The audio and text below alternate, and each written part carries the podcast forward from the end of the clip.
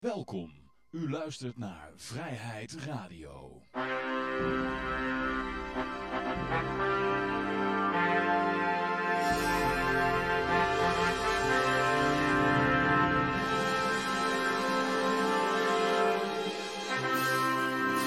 Ja, dames en heren, jongens en meisjes, dit is weer een nieuwe aflevering van Vrijheid Radio. Leuk dat u luistert. We zitten hier gezellig in Café Libertaria met op dit moment eh, Peter, die je niet kan zien. Yoshi met zijn mooie pruik op. Ehm, hebben we natuurlijk eh, Lucas en Jan-Mark. En eh, mijn naam is Johan. Ja. En eh, Peter, ja, jij, jij bent niet zichtbaar, want jij bent op vakantie, hè? Ja, klopt. Ik zit in de Oekraïne. Leuk Hij ligt lekker onderuit gezakt. wij, eh, wij kunnen je wel zien. Ja. Je ligt lekker, eh, lekker onderuit te genieten in je luie stoel. Het is voor de luisteraars, het is ook bij Peter dat, dat, ze, dat ze Peter niet zien op dit moment. Dus, Ik heb ook zijn beeld voor ons is uitgezet, dat geen pretje. Wij zien hem wel, maar Ik wil het ook niet zien. Ik heb het Hij ligt in bed na een poging zijn schoonvader onder de tafel te drinken. Vol- Volgende keer vragen of, die, eh, of, of je gewoon Groenberg goed doet. Dan kunnen wij jou gewoon als een greenscreen eh hierop zetten. Ja. Ja, en ik ga ook eventjes, want ik, heb, ik ben eten aan het koken en dan eet ik het. Maar ik moet zelf, want ik heb ook nog een eh, klein momentje voor mezelf ingepland op eh, de Bitcoin verjaardag. Maar dan moet ik nog wel iets te vertellen hebben. Dus Ja, ja, ja. daar was ik van plan om zo direct na het eten even aan te beginnen. Oh, Oké. Dus ik ben Ja, de enige zonder lulsmoetjes.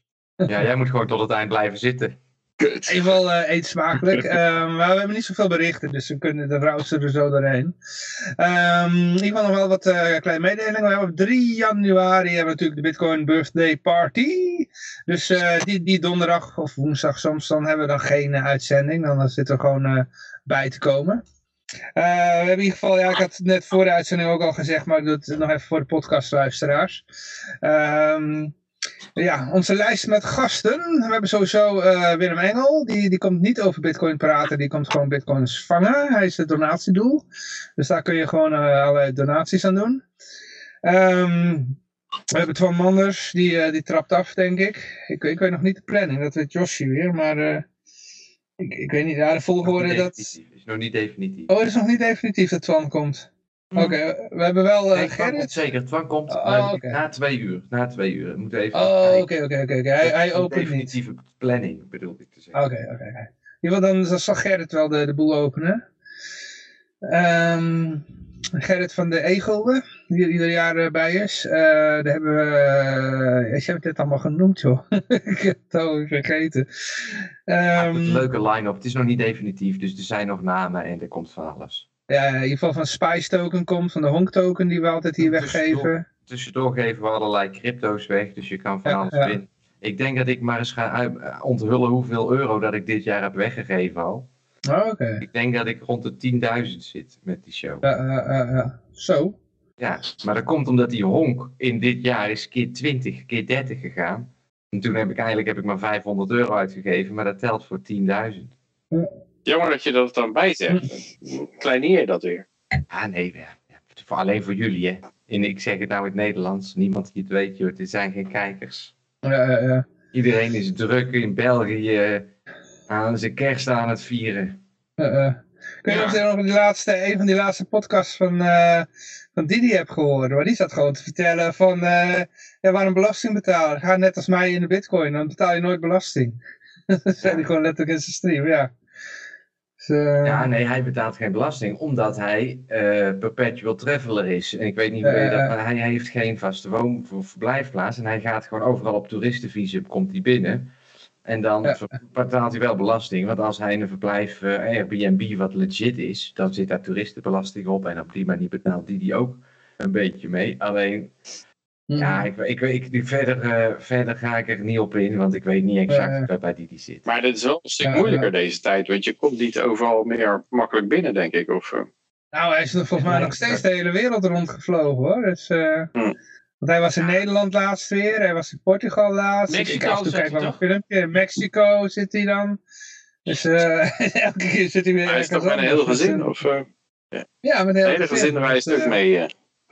Ja, het zou, het zou leuk zijn als hij erbij kan zijn. Maar ja, hij, hij had al gezegd dus, dat, hij- dat hij familie op bezoek heeft. Dus dat, eh, zit er waarschijnlijk niet in, dat hij in de show Nee, ik, is. denk, ik denk dat we eerst ook weer hiermee is het gewoon, Johan, de e-gulden op 1 euro en dan komt hij weer een keer langs.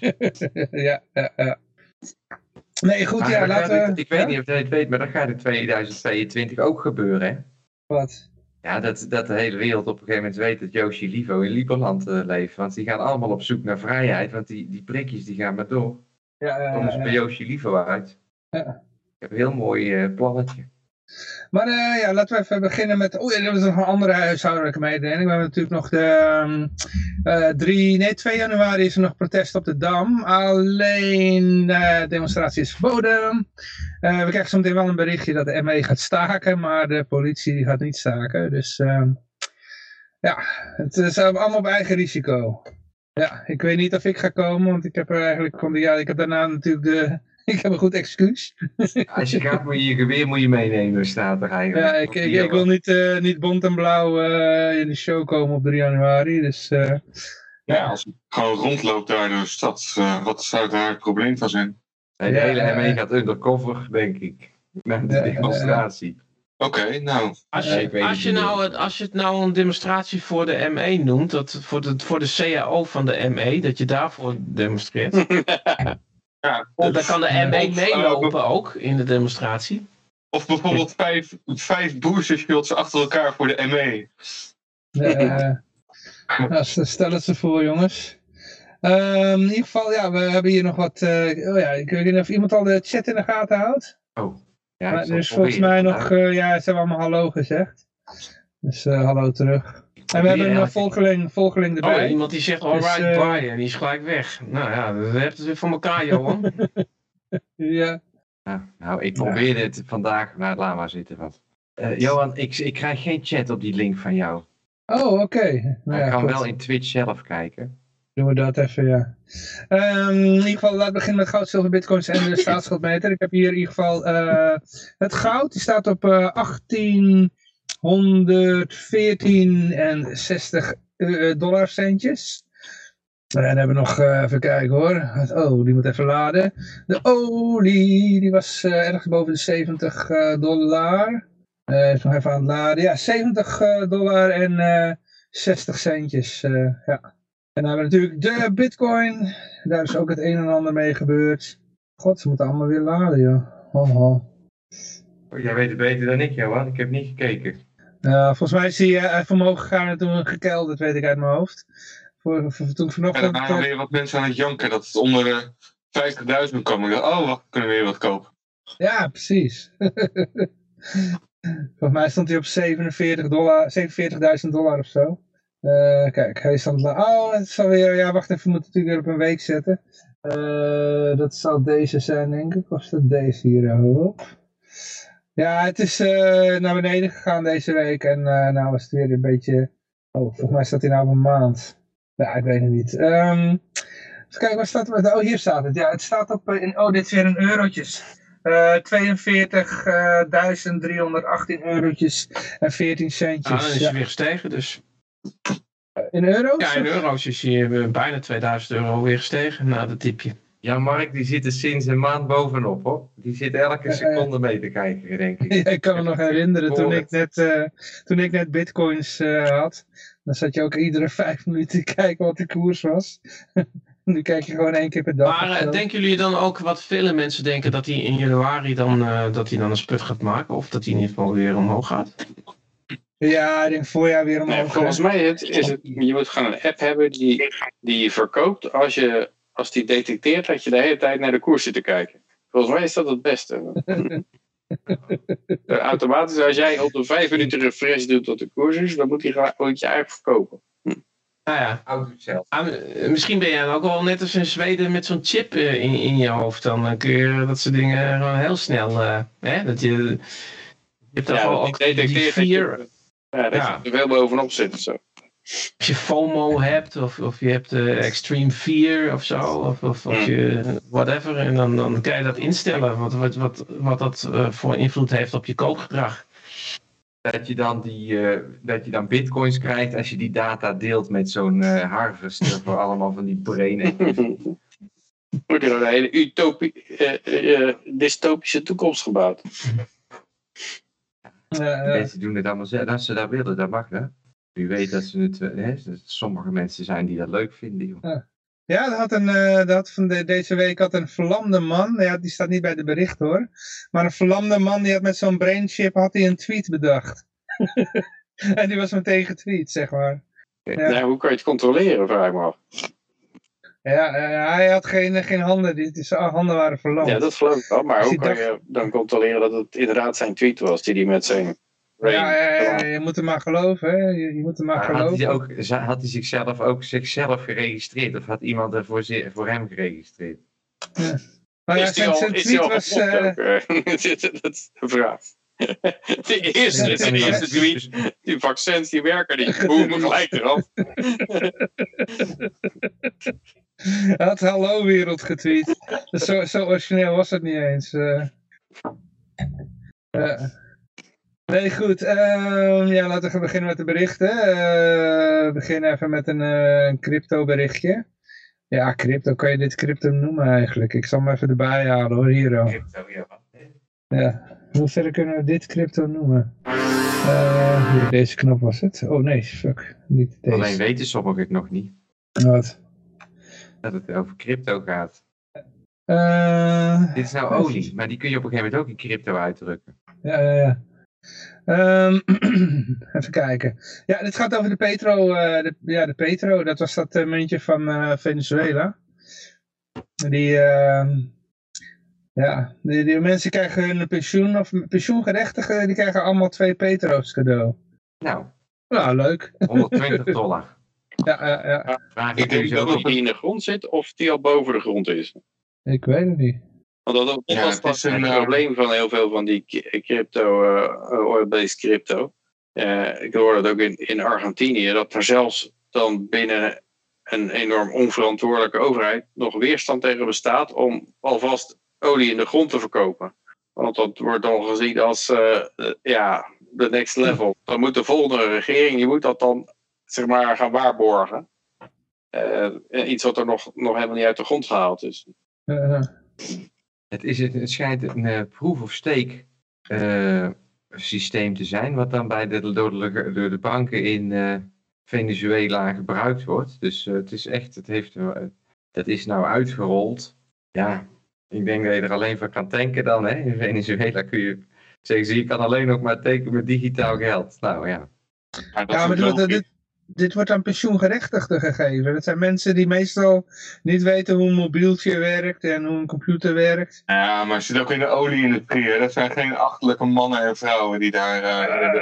kun- kunnen ook degene zijn die het zo'n boutje moeten aandraaien, weet je wel. Eh, ja, het hoeft niet allemaal ingenieurs te zijn.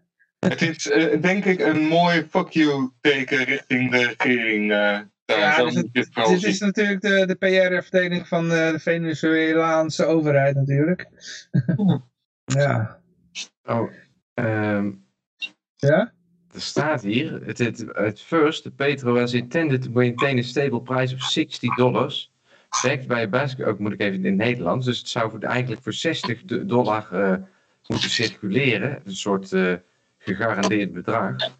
Maar het ging keihard onderuit en re- handelde helemaal niet voor 60, maar voor veel minder. Oké. Ehm, en laatst is dat omgegooid en is het de andere kant op gegaan. En toen eh, is het dus nou toch rond de 60 dollar per munt. Dus het is even naar beneden gecrashed en nu, toen is het weer maar naar boven gekomen. En Degene die eh, de Petro's in de dip eh, hebben ge- gekocht, die... ja, die hebben daar nu profijt van, want ze staat nu weer rond de 50, 56 dollar topprijs. Oké. Dus nou ja, goed. eh, het schijnt dat er een gelimiteerde hoeveelheid van is. En als het proef of steek is, dan zit er misschien ook wel een reward op, waardoor dat je automatisch spaart. Nou ja. Kijk, 120 dollar is in Nederland een iets ander, andere hoeveelheid als in Venezuela natuurlijk. Hè. Dan kun je in Venezuela Ja, ja. veel meer brood, van, tenminste van dollars zeg ik dan erbij. Ja. Van die petro's weet ik het niet, maar ehm, nou ja, goed, het verhaaltje. Nou goed, het gaat niet altijd goed als die overheden zich met crypto bemoeien. Want in eh, El Salvador eh, ja, zijn, klagen nou mensen dat er eh, bitcoin uit een wallet is eh, verdwenen. Want, want die wallets die werden dan door de overheid verstrekt. Of, of ja, de Chivo wallet was dat dan. Ja, Mensen, ja, Ik ja. zeg altijd, de, de- bitcoins in zo'n wallet van de overheid van El Salvador zijn niet dezelfde bitcoins die je met, op een eh, bitcoin wallet Oké. hebt. Ja, ja, ja. Klopt wel. En dat dat is dus ook eh, met zo'n Petro de vraag van registreren. Zij, kun je pas zo'n adres krijgen en hoeveel adressen kun je zelf maken? Als jij maar één adres van de overheid krijgt, dan moet je er ontzettend voorzichtig mee zijn. Dan moet je er ook niks mee willen doen eigenlijk, behalve benzine kopen.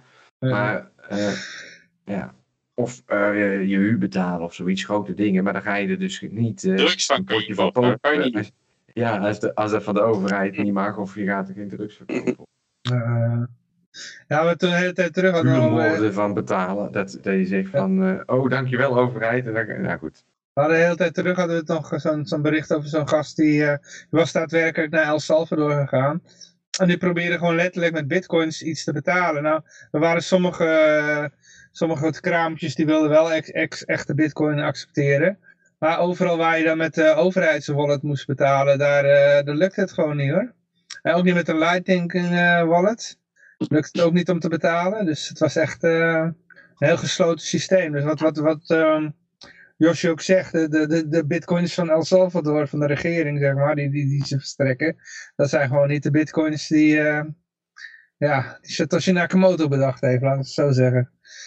Ja, Nou ja, het Dus, viel me wel eh, op het verhaaltje. Ik, ik heb het nou gewoon, eh, als iemand uh, Schrefveld, uh, heb ik het even in de Vrijheid Radio chat gezet. Maar ja, het, vond opmerkelijk inderdaad. Van, want die, die Plan B, die had nog een heel positief verhaal over El Salvador. Van, ja, dat, dat zou dan een nieuwe, ja, de nieuwe opkomende natie kunnen worden in, in de renaissance, zoals zij dat noemde. Want, want uh, ja, die ontarmen dan bitcoin. Maar ja, als je dan zoiets leest, dan, dan begin je toch een beetje wat te twijfelen daaraan, aan dat optimisme.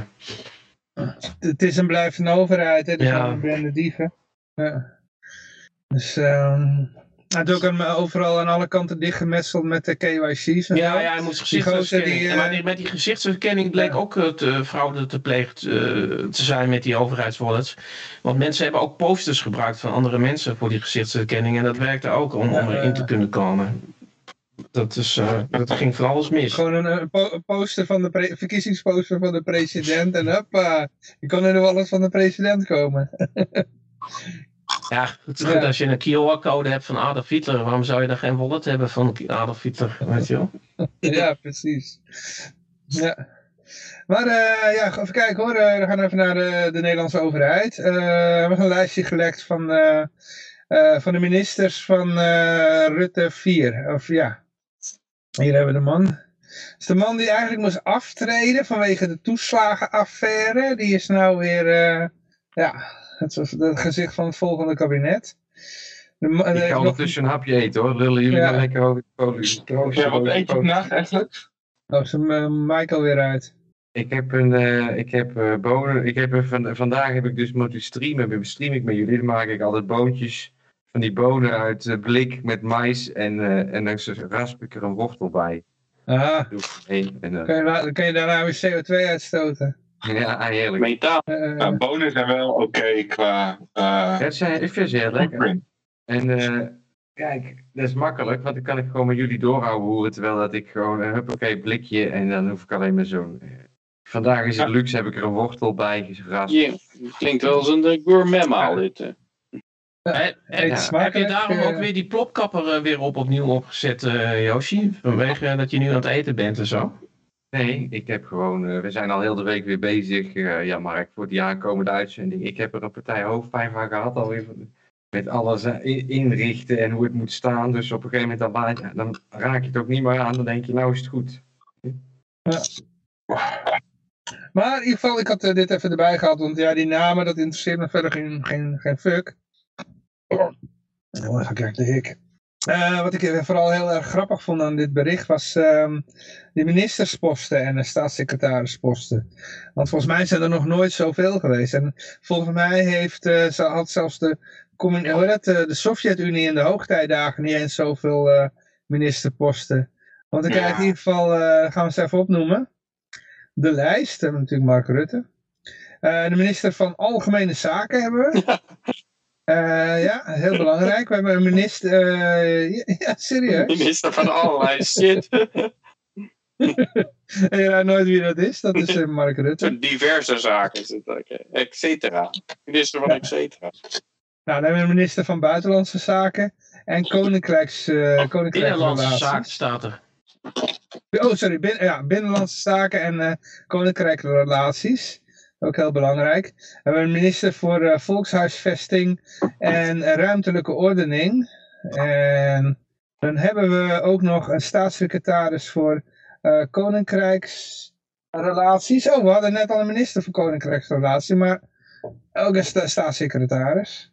eh, voor Koninkrijksrelaties en digitalisering. Ja, dat wordt Ke- Kees Verhoeven. Die, die, die, die royalty die krijgen ook een chip in hun hoofd. Ja, ja, ja. Dan hebben we de minister van Justitie en Veiligheid. Nou, dat wordt eh, Wopke Hoekstra. Dan hebben we een minister voor, eh, voor rechtsbescherming. nou, dat, eh, Huh? dan voel je je veilig hoor. Dan hebben we staatssecretaris voor... ermee. Van de overheid, hè? Ja. Wat, wat, wat? Rechtsbescherming van de overheid. Ja, dat ja, ja, ja. eh, waren ze vergeten toe te voegen. Ja, ja, ja. Niet voor ons. Dan hebben we staatssecretaris voor asiel en migratie. Eh, dan hebben we een minister van Financiën. Dan hebben we een staatssecretaris voor toeslagen en douane. Toeslagen. Ja, we hebben een affaire van gehad. ja, ja, ja, ja. ja. Dan hebben we een staatssecretaris voor fiscale zaken. Nou, ik zou dan zeggen, op zijn minst doe toeslagen en fiscale zaken bij elkaar, weet je wel. Maar nee, nu zijn het weer twee aparte posten, weet je wel. Dus dan wordt het weer broekzak, vestzak. Uh, de minister voor eh, Economische Zaken en eh, Klimaat. Ja, hartstikke ah, idee. Nou, nu, nu komt de hele Sustainable Development Goals ja, ja, ja, ja, voorbij. Ja, ja want we hebben dus een minister voor Economische Zaken en Klimaat. En energie. We hebben ook nog energie. een, Nee, nee, nee. Ik zeg, we hebben de economische zaken. Ja, maar staat er en klimaat. En daaronder, daaronder hebben we dus een minister voor klimaat en energie. ja. Dus je hebt Dus economische zaken en klimaat en dan klimaat en energie. Twee aparte... Dus die gaan ruzie krijgen met elkaar, denk ik. Hebben we ook klimaat en sport? En, en klimaat en kunst? Of, of is het alleen maar Nee, maar we hebben wel... eh, En dit vind ik heel raar, hè? defensie en klimaat? Ja, zoiets. Bommen gooien en klimaat. Ja, ja, ja.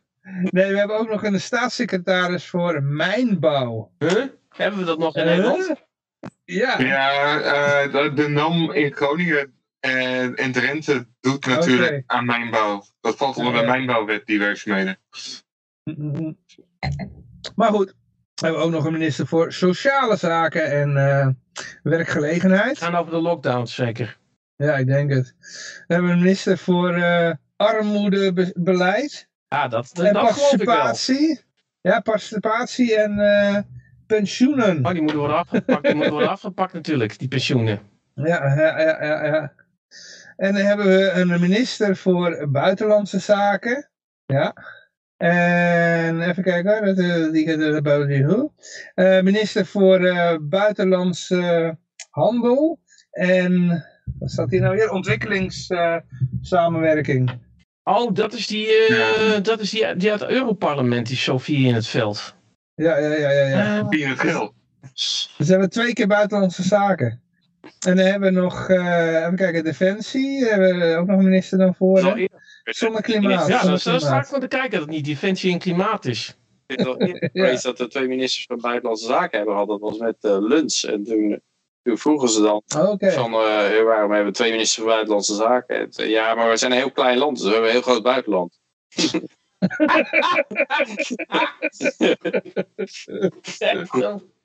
Nee. We hebben nog een staatssecretaris eh, voor eh, personeel en eh even kijken, wat staat er nou?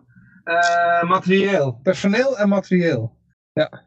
Eh, personeel en materieel. Nou, raar. We hebben nog een, ja, we hebben nog een minister voor eh, volksgezondheid. Ja. Oh, volksgezondheid, welzijn en sport. Ah, Sport, ja, dat is toch ja. afgeschaft? Komt dat weer terug? Ja, ik bedoel, door, door de minister van Volksgezondheid eh, is dat allemaal afgeschaft. Maar eh, het welzijn ook. Het welzijn is ook afgeschaft. Een minister van eh, ochtendgymnastiek, verplichte ochtendgymnastiek. Dat zou ook wat zijn, denk ik. Een eh, Funny men- Walks zou je er ook bij verwachten dan. ja. M- Mandatory toothbrush. eh. en nog een minister, maar we zijn nog niet klaar, hè, want we hebben meer ministers dan de Rusland en de Sovjet-Unie. Eh, we hebben nog een minister voor, eh, wat is dit nou hier? Langdurige zorg minister langdurige zorg. Ja, maar dat krijg je natuurlijk met die eh myocarditis, hè? Met die hartspierontstekingen. Ja, ja, ja. Dan heb je langdurige zorg nodig. Dat zijn al die sportmensen. Ja, het is eh, langdurige zorg en sport. Ja, Dus, je, hebt, je, hebt, je, hebt twee ministers die over sport gaan. En dan hebben we concurrerende. hier nog eentje. Eén Ja. voor Ajax en de ander voor Feyenoord. En dan hebben we nog een staatssecretaris voor jeugdzorg en eh, jeugdzorg en eh, preventie. ja, dan gaan we gewoon extra vroeg de sportvelden dichtgooien. Oh en jee, nog en, er is vaker ook de nog van scholen sluiten. er is ook nog iemand van de ChristenUnie is dat dan, weet je wel? Dus Oh, die, eh, Ja, Ja. ik weet Maar, wie je wilt. maar die preventie, dat, dat, want die jongeren die mogen nergens meer in. En dan, krijg je, dan heb je Ja. extra veel jeugdzorg nodig. En preventie, omdat ze allemaal dingen gaan doen die, die, die, die niet mogen. Dat is samen, Nou. samenscholing doen ze dan natuurlijk. Een ho- een Nou, Het is wel zo dat eh, een buurvrouw die werkt op de crisishulp eh, voor kinderen in, ja, die bijvoorbeeld suicidaal zijn. En die heeft sinds twee jaar wel echt super druk. Normaal was er af en toe was er een kind, werd er opgenomen. Maar nu mhm. aan de lopende band eh, komen ze binnen en weten ze gewoon niet waar die kinderen naartoe moeten sturen, want alle plekken zijn vol. Dus het is wel echt een serieus ding sinds eh, de overheidsmaatregelen van twee jaar geleden. Maar dat komt dan door de overheid, maar dan ga je, Ja. dat is net als met, met het onderwijs. Ik bedoel, die, die, die onderwijzers die hebben het hartstikke druk, niet vanwege die kinderen, maar vanwege al die regels. Ook, dus eh, ja. ja, zij, dus ga, zij gaat nu extra druk krijgen, omdat we daar nu ook nog een minister voor hebben, weet je wel. Dus die komt helemaal niet meer aan die kinderen toe. Nou, maar dat is ook de, de bedoeling. Ja, tuurlijk. Ja, eh, dat is ook de bedoeling. Maar in ieder geval, ja, we zijn nog niet klaar met het lijstje, want de overheid die wil zich echt overal mee bemoeien. Dit is nog erger. Volgens mij hebben ze in China, met die eh, meer dan 1 miljard mensen, minder Ik denk dat ministers. we hebben maar weinig berichten, dus het zou snel moeten gaan vanavond. Maar Ja, ja, ja, ja, ja. In ieder geval hebben we nog een, ja, we hebben nog een minister van Onderwijs, Ja, Cultuur ik heb nog één keer en Wetenschap. Ik heb nog één keer bijgeschept. Als dit op is, dan ga ik op een gegeven moment gewoon eh, mijn mijn stekje schrijven. Oké, oké, oké. We hebben nog een minister voor eh, primair en voorgezet onderwijs. Dus we hadden al een minister voor onderwijs. Dan ook nog eentje voor primair en voorgezet onderwijs. Want, eh, oh, dat is Hugo de Jonge. Getverderrie. Gaat hij dan ook heel veel kook snuiven? En dan hebben we nog een staatssecretaris voor cultuur. Oh, we hadden dus net al eentje die over minister die over cultuur ging. Maar komt, We hebben nu ook nog een staatssecretaris die over cultuur en media. En wat is dat andere? Eh, En de- stap. Oh nee, dat is de naam, oké. cultuur en media, daar cultuur gaat is het over. Ja. afgeschaft, toch? Maar schijnbaar niet, want we hebben minister Oh. ervoor. We, hebben Ja, nog dat- een, we zijn nog niet klaar. We elkaar hebben, niet nog uit. een, we hebben nog een minister voor eh, infrastructuur en eh, waterstaat. En we hebben ook nog een staatssecretaris voor OV en waterstaat. dat zijn veerponten dan, denk ik. En dan zijn we nog niet klaar. Dan hebben we ook nog een minister voor Landbouw. Eh, wat is het? Na- na- natuurbeheer en voedselkwaliteit. Oh jee, oh jee, oh jee. En nog een minister voor Natuur en Dat stikstof. is voor het onteigenen van boeren. Dat vind ik de engste. Dat is gewoon Ja, ja, ja, de minister voor engste. communisme, is dat. Let op, dat wordt de engste. Ja, ja. Ja, De allerengste. dat is dan nou degene die ik ook gaat snuiven, denk ik. Dit ja, het goed. allemaal? Ben jij een nieuw handeltje begonnen, Johan? Want je zit het allemaal zo te promoten. Je lijkt wel een crypto-dealer. ja, ja, ja. Ja. Zou het al hebben? Er is zo'n uitdrukking, als er een ministerie voor is, dan, eh, dan ontstaat er een probleem. Maar dit zijn dan wel heel veel Ja, ontre- ja. problemen die er ontstaan. Echt heel, zoveel Ik denk dat we snel eh, Nederland moeten Dit is verlaten. echt heel erg, ja. Dit is echt verschrikkelijk.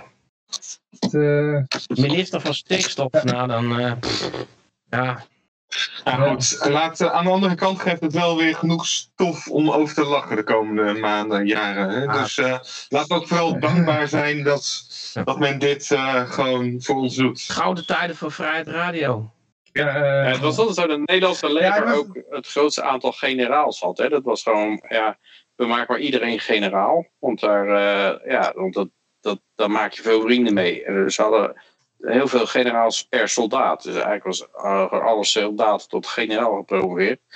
En, eh, en dit lijkt ook een beetje Mhm. op gewoon, eh, ja, maar iedereen gewoon maar minister maken. Dan, eh, ja, veel ministers, iedereen blij. Als je, als je nou nog geen minister bent, dan, eh, dan zit je echt bij de bij Ja. veel te grote Ja, partij. dat- Dan ben je heel Ja, als je nou staatssecretaris bent, wat een vernedering is dat al eigenlijk. Ja, maar als je, het, ja, als je nou gewoon meewerkt aan deze corruptie, dan word je in het volgende kabinet word je minister. En dat wordt dan tegen heel veel mensen gezegd. Ja. ja, en dan moeten ze dat op een gegeven moment gaan belonen en dan krijg je dit, ja.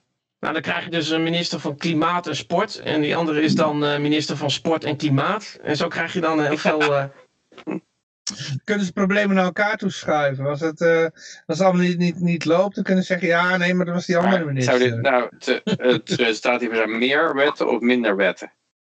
Ja, ik denk meer. Die, die lui die gaan niet stilzitten natuurlijk, hè. Ja. nou, Gingen ze dit maar was het eerste bericht, Johan. Krijgen we nog een tweede bericht? Ja, of, ja, ja, eh, ja. Ja, ja, ja, ja, ja, ja, ja, die tweede die, stond- die had ik hè, wordt dit. eh, nou, die had ik er nog niet in kunnen gooien, maar dat was die ene waar eh, jij nog mee kwam, eh, ehm, over Pieter Omzicht. Dat die, die had nog een wetsvoorstel gedaan. Of nee, een motie ingediend, een motie ingediend over de, en dat was over dat, de, de hoge sterfte, oversterfte, dat was het.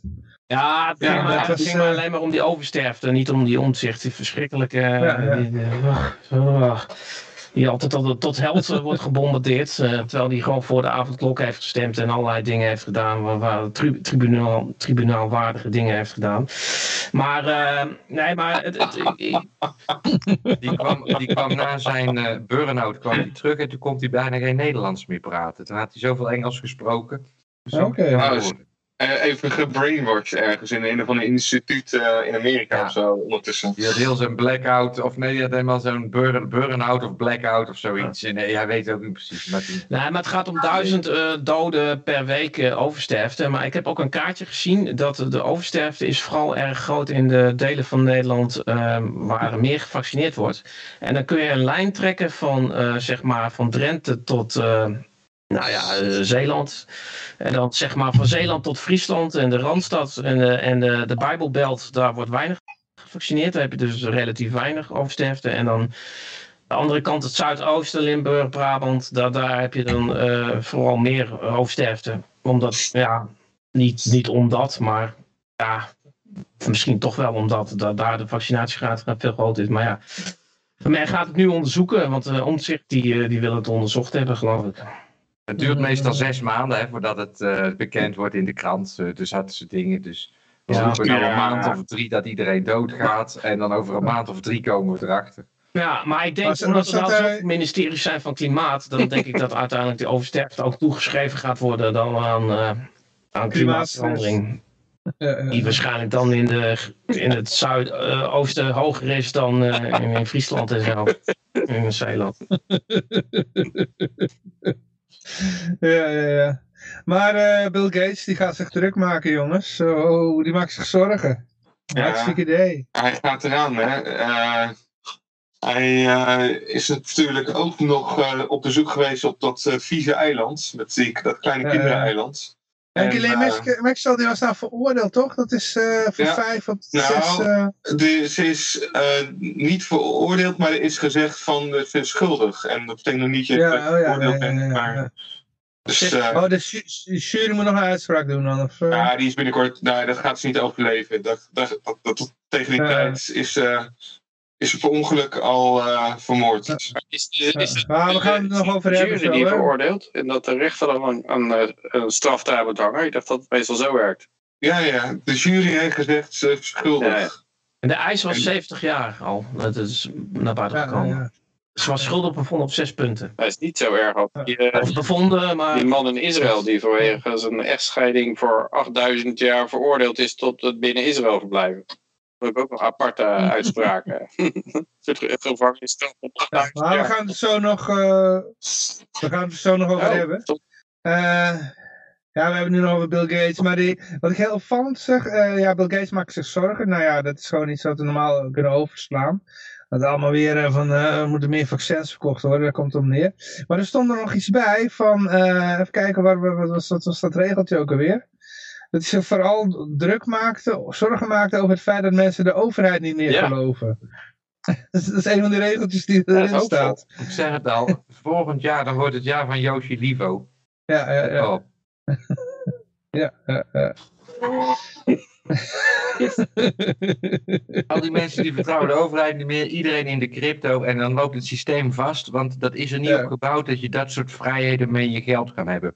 De enige druk die er bestaat is dat jij je geld afgepakt wordt en je huizen waar je geregistreerd bent.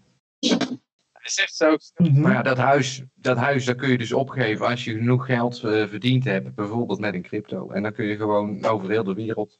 Ja. Hij zegt dit, eh, but one particular problem could slow or derail much of that progress. Dus hij denkt dat, dat er één probleem is dat de vooruitgang eh, kan vertragen.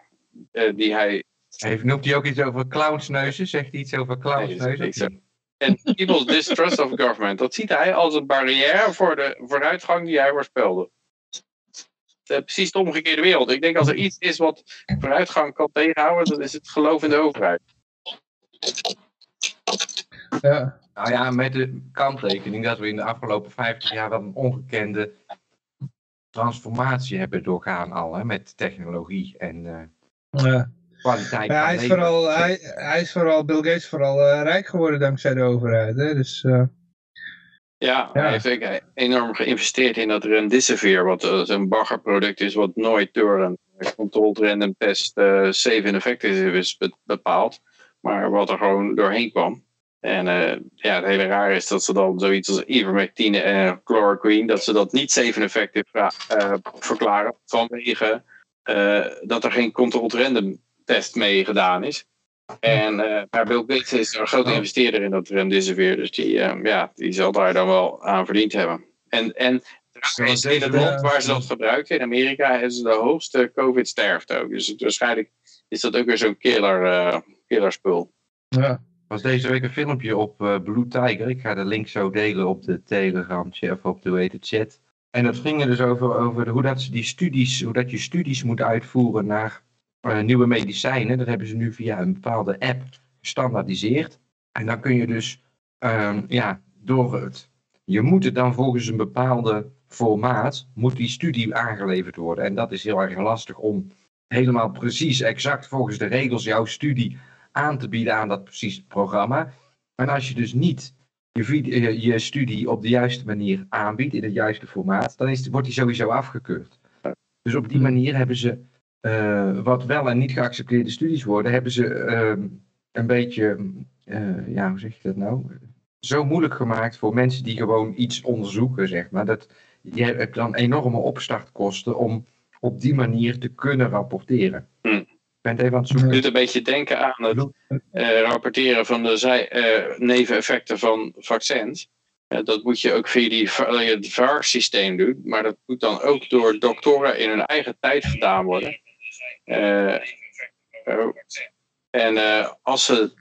eh, ja, en het is ook heel com- gecompliceerd om dat allemaal in te vullen. Dus dat, er zit een enorme barrière om die, om die eh, neveneffecten te rapporteren. Ja, dat is een beetje vergelijkbaar inderdaad. En ik heb het net gedeeld op de Twitch. Dus het is, eh, nou ja, het heet Magic, heet het, die app. Mhm. Ik heb ook. En daar heeft eh, Ja. Blue Tiger wat naar gezocht. En Pjottertje deelt ook nog een link. Ja, dat, Ik weet niet wat Ja, dat gaat over die eh, COVID Care Alliance. Er is een eh, video gemaakt die helemaal doorneemt hoe het eh, Pfizer-rapport over hun vaccins, ja, wat daar niet aan klopt. En die gaat er gewoon helemaal stuk voor stuk doorheen.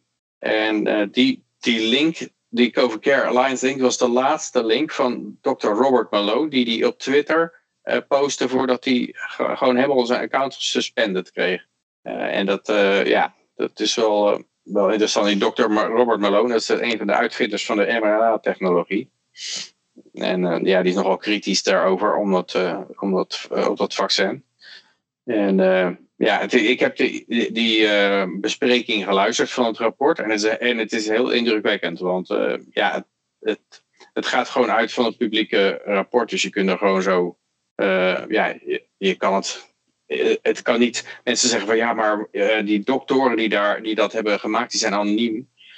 Maar eh, ja, natuurlijk zijn ze anoniem, omdat het niet veilig is om dat te delen voor je, voor je licentie. Maar het maakt eigenlijk niet uit, want ze- gaan gewoon uit van publieke data die je gewoon allemaal zelf kan controleren in dat, eh in dat Pfizer-rapport.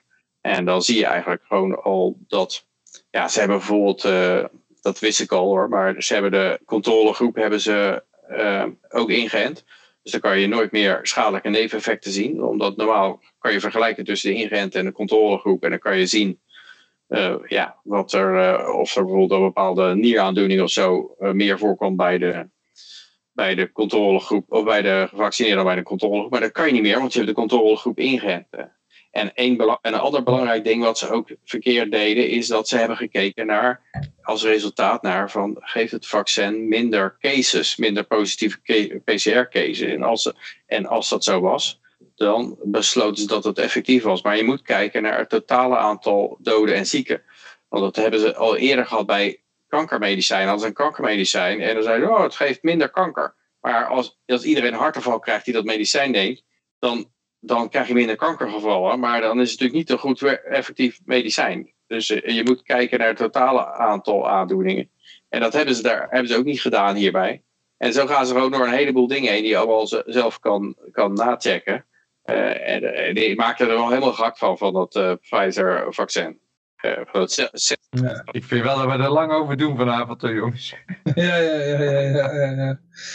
Maar ja, goed, ja, het is net als, als, als met, met Windows, weet je wel. Dus ja, dat is... eh, je blijft maar updaten. ja, er weer, je blijft maar updates nodig hebben en het werkt nog steeds niet goed. het erge was, hè, want ik had eh, de, de, mijn, eh, het is een paar keer voorgekomen deze livestream dat mijn, mijn software crasht. En dit draait ook op Windows. Ik moet zeggen van ja, ik, ik, ik vind Linux geweldig, maar het heeft ook zijn haken en ogen. En ja, het is eh, in ieder geval, nou ja, goed. Daarom draai ik het op Windows. Maar de, eh, ik, ja, dat, eh, dat kwam door een of andere de, de, de desktop manager of zo. En die zat heel erg te loeien. Dat is een onderdeel van Windows. En dat zorgt ervoor dat mijn, hoe dat, het gebruikt zoveel GPU, dat mijn, die software van mij crashte. Weet je wel, en je kan het niet uitzetten, die desktop manager. Dus eh, ja, dat is de wereld van Windows. Ja. Kijk, iedereen er wel een verhaal, zo'n soort gelijk verhaal heeft met Windows, weet je wel. Heb jij een helemaal- Linux-systeem draai je dan ook, Johan? Ja, ik draai ook wel eh, Linux, maar ik kan voor deze, voor OBS, is het, eh, ja, werkt het allemaal niet goed. Dus het zijn ook allemaal problemen en zo. Ik heb nog wel. Moeten we even nog overleggen binnenkort. Zo, jij, jij draait wel Linux? Maar Komt goed, we hebben het nog over. Bericht nummer Oh. 3. Ja, n- nee, vier, vijf zijn we alweer. Eh, ja, ik zet hem even aan, hartstikke idee. Hoppa. Eh, ja, is dit hier ook. Even kijken, waar ging het ook weer over? Eh, strengere maatregelen in Griekenland. Ja, oh, dan moet je drie dubbele mondkapjes dragen en zo. Ja, Ja, één mondkapje werkt niet. Dus daar hebben ze dus gewoon Nee. anderhalf jaar voor niks hebben ze dat ene mondkapje op gehad. Dat zeggen ze nou dus, gewoon de overheid zegt en, eh, dat. die, die kinwarmer, weet je wel? Ja goed, als één mondkapje niet werkt, wat doe je dan? Een booster Ja, ik vind het nog te weinig eigenlijk. Duct tape op je mond. Ja, ik denk dat eh, vier mondkapjes beter zijn, eigenlijk, om eerlijk te zijn. Eh, eh, Dus ik vind het echt wel weer een, een halfplachtige maatregel. En vooral, oh, oh shit, vooral als het in, in de regen, hè? Vooral in de regen moet je het dragen. Ik hoop, toch, ik hoop elke keer dat ze eh, die luiers ook gaan verplichten. Want dat lijkt me wel lekker. Maar die mondkapjes, dat vind ik eigenlijk niks. Maar zo'n luier, dat, dat maakt me dan niet uit. Ik zou heel de dag in een luier rondlopen. En dat zien ze dan toch niet. Dan heb je lekker zo'n luier aan, maakt niet uit. Dan hoef je ook niet eh, snel naar huis of zo. zeg je van, nou, ik blijf lekker zitten. Eh, ze Oké. Maar ik heb toch een luier aan. supermarkt. Ik ga niet naar de wc, niks. Ik, ik blijf gewoon doorzuipen. Ik ga nergens heen. Maar hoe controleer je dat, hè? Haal je dan het mondkapje van iemands gezicht om te kijken of er één onder zit? Het moet een KN95 mondkapje zijn. Dat is in principe noodzakelijk. Ik weet niet wat in principe betekent. Bij- eh, Volgens mij bij de media betekent in principe meestal van, eh, nou het hoeft eigenlijk niet. Ja, in principe is dat zo, maar het hoeft eigenlijk niet. Want ze, doen niet, ze hebben geen principes de media, dus dan gebruiken ze die term in principe eigenlijk voor, voor een. Maar in, je hebt dus in principe een KN95 nodig. Als alternatief kun je twee normale mondkapjes eh, op elkaar worden gedragen. Dus dus twee normale is Oh. gelijk aan 1 KN95. En dat is zo'n wit... eh, Een medisch mondkapje, denk ik. Zo'n Eh, wit met blauw ding of zo. Oh, dat is een KN5. Nee, nee, zo'n KNV9 dat is zo'n zo'n een punttoeter volgens mij. Ja, precies. Die zijn eh, dubbele prijs ook. Ja, dat wordt wel financiële afwegingen. Daarom moet je er twee op. Omdat die andere helft zo goedkoop zijn. Anders kost het jou niet genoeg. Dan, stort de economie in elkaar. Want er wordt nou vanuit gegaan dat je dagelijks 7 PCR-testen neemt. En, en 16 maskers verbruikt. Want anders dan hebben ze niet genoeg GDP. de KN95 test. Ja, dat is inderdaad zo'n... eh, Maar je moet dan ook nog eh, dubbel gevaccineerd en geboosterd zijn. En twee mondkapjes. Ja. En anderhalve En meter die luier. Als ze nou, die luier zou ik wel doen. Maar de rest, ja. Ja, goed. Ja. Ja, joh. Ja, het is. zal wel iemand. Ze zullen daar ook wel zo'n. eh, God, hoe heet die gast van de. Van de CDA ook alweer? Ik, ik word een beetje gek van dat geram op dat toetsenbord eigenlijk. Ik, eh, ik weet niet of jullie er ook last van hebben. Lucas. iemand drugs weg te werken. Ja, het zou. Lucas wel zijn. Lucas? Was dat niet. Wat? Nee, nee, nee. Van, de, van die, eh, van die mondkapjesdeal. Eh Zo'n Oh, zo'n ja. rare Friese naam had hij. Ja. Siebert. Ja, Siebert of Ja. zoiets. Siebert. van Linden. Zo. Eh, eh, eh, Hey, Italië Linden. ja, ja. verplicht te dragen van mondkapje op straat. Er zit een streep door alle feestjes en partijen rond oud en nieuw. Ja, wel, ja, waarom? Oh, oh god, oh god. Het houdt niet op, niet En vanzelf. soms is FP2 Maar, eh, mondkas, ja? mondmasker nodig. Oh man, dan hebben ze weer helemaal een nieuw ding. Ze hebben daar ook weer zo'n Siebert eh, daar eh, zitten die eraan verdient.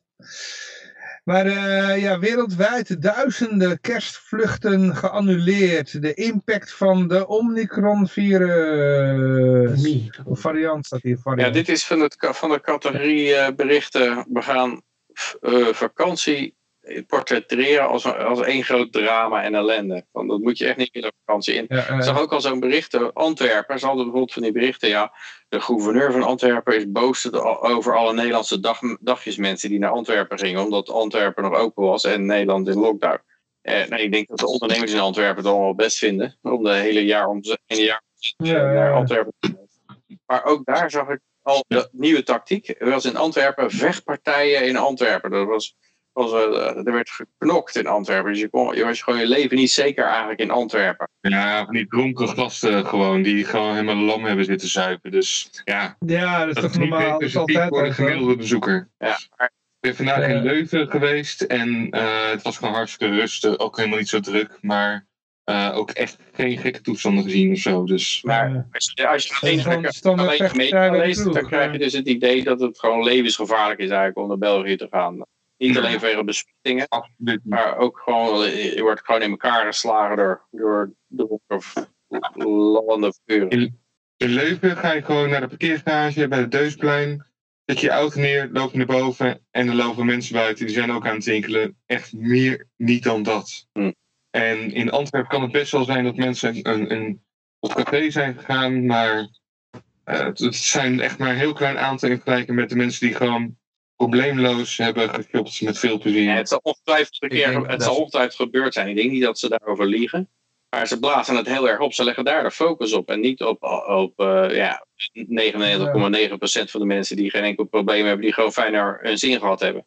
Gewoon omdat ze willen promoten volgens mij. Vakantie is slecht. Reizen is slecht. Bewegen is slecht. Je moet thuis blijven zitten. Dat is geweldig. Volgens mij gaat België binnenkort ook in lockdown. En dan zeggen ze daar, komt door de Hollanders, zeggen Ja. ze dan. En dan krijg je zo'n zo'n burgeroorlog tussen die, of nee, echte oorlog. Maar tussen de burgers, dat ze elkaar zo haten. Ja, dat mooi is. Ja, ben je me weer aan het lekker maken, Yoshi? Ja, nee, ik weet het niet. Misschien niet. Je weet het niet. Maar ik denk dat ze dat wel leuk vinden. Dan zeggen ze, ja, die Hollanders, die hebben hier allemaal eh kerst inkopen gedaan. En nou moeten wij daardoor ook op slot. En dan wordt iedereen daar ook boos. Oh, net alsof de ongevaccineerden... Ja, ja. Ja, ik vind het een hele goede strategische zet, eh Yoshi. Ik denk dat, ze hem, eh, dat die minister van Sport, Welzijn en Propaganda of zo, dat hij eh, dat die dit eh, graag overneemt. Ja, die eh, Van Ranst is dat toch of niet? Is dat iemand anders? Nee, die is van de R. die- Die Van Rans, die weet daar wel Ja, lekker van- mee op te gaan. ieder Ah. Dan die- kun je aan hem wel toevertrouwen. Die minister van Asiel en Migratie, dat vind ik ook wel interessant. Want gaan ze ervan uit dat heel veel Nederlanders proberen asiel te aan te vragen in andere landen en gaan immigreren? Gewoon dat het zo'n verschrikkelijke hel wordt. Nee, maar er blijven toch nog steeds vluchtelingen uit Afghanistan komen. Dus ze gaan er gewoon vervangen. Ja, die, mensen zou ik dus toch echt willen waarschuwen van doe het niet. Maar goed. Je weet niet waar je in terecht komt. Nee, je weet niet. En, en, en trouwens, het is wel grappig, want in de, in de Gouden Eeuw vluchten mensen van Antwerpen naar Nederland en nu is het andersom. Dus ja, Ja, nu even. Totdat het eh, schema van winkels open, winkels dicht weer wordt omgedraaid. Hè? En dan komen ze allemaal weer ja naar hier. keer ook nog. Winkeliers in Middelburg ook weer wat te doen. Ja. Ja, Ik rook er nog een sigaretje met jullie en dan eh taai ik hem af. Het was weer een lekker potje eten. Oké, kerstvluchten geannuleerd. ja, ja, ja. ja, ja. ja. En daar waren we bij. We waren bij kerstvluchten, maar ehm daar hebben we verder niks meer over te Nee, zeggen. Dus nee, gewoon een nee. kleine scare. Allemaal en, mensen in de eh, rij staan en met hun handen in het haar zitten naar een telefoon staren op een, op een, een vuilnisbak zitten ze ook. Dus dat, ja, dat is gewoon het idee dat je erbij moet krijgen bij reizen. Ja. Nee, dan we, ja, de feestdagen zijn al bijna voorbij, maar eh, nog niet helemaal natuurlijk. Dus ze kunnen ons nog lastigvallen. Maar dit is ook weer zo'n zo'n bangmakerijberichtje. Eh, de groepsgrootte met eh, de feestdagen. moeilijk te handhaven. Politie gaat af op illegale feestjes. Ja, nou ja goed. die zijn er inderdaad, die feestjes. En als ze ervoor kiezen om een, een Nee, dit kan niet. Geen feest is illegaal. Dat kan nooit. Ja, precies. Nou, maar goed. Er zijn wel, eh, ik, heb, ze- ik heb ze ook wel in een plaats in de buurt eh, een plek gezien. Die is ook opgerold, die plek. Eh, het was wel heel gezellig daar, waarschijnlijk. Maar eh, als, de mans, als men daar de mankracht aan wil besteden, dan mag je ook wel de nodige verwachting hebben als er eens in de buurt is ingebroken. Dus dat gaat gewoon een keer tegen de politie keren. En eh, nou ja, het is een kwestie van tijd. Dus hoe meer ze dat soort dingen aanpakken, des te beter. Maar er wordt ook gezegd, voor de politie is het moeilijk te handhaven.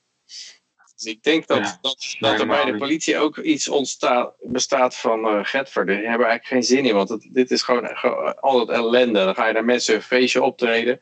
Ik super gehaat allemaal, die mensen, als je daar binnenkomt vallen. En, en uh, Van die uh, mensen helemaal aan het trippen op de pillen. En dan moet je ze arresteren. Dan zitten ze de hele nacht met die handboeien zo in een arm te snijden. Oh, ik heb wel een leuk leven. Ik denk eerder dat de politie daar gewoon de, de, de drankvoorraad even komt opeisen voor de, voor de feestcommissie. Het lijkt me wel leuk als je nou niet te veel mensen hebt. Gewoon, uh, je hebt een aantal mensen die, die gewoon overal ergens een, een, hun dingetje hebben. En die binnen de marge vallen. Om, om zeg maar dan toch elkaar aan te geven. De politie te, te, hè, elkaar te verlinken. En, en de politie wat, wat extra werk te geven. Want, ik bedoel, ja, of een soort schijnfeestje ergens te houden. En dan keep them busy, zodat jouw echte feest gewoon door kan gaan. Dat is, dat is mijn oude idee om, om 25 mobiele telefoons aan een schaap te, te, te plakken. En dan in, in de wijk te laten. ja. Wil je eigenlijk een beest hebben wat heel vlug is hoor.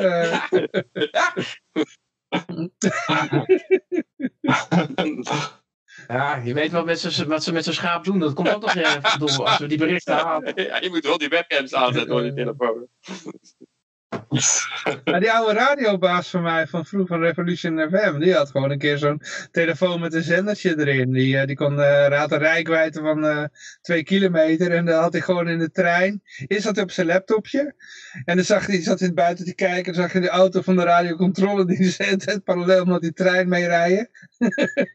Want die zat, hé, hey, dus heb je radiopiraat hier. In elke telefoon zit natuurlijk een zendertje, maar... Um, maar dit, uh, hij had hier een, een, een zendertje van, uh, van een radiozender op. Dat zat op de frequentie van, uh, heel, van Radio 3. weet je wel? Ja, de staatszender. dus zat hij gewoon zijn favoriete house muziek te draaien. Staat hier strikt volgens de wet valt de groepsgrootte niet te handhaven. Dat is ook niet de insteek waarmee de politie de straat op gaat, zegt politiechef Willem Woelders.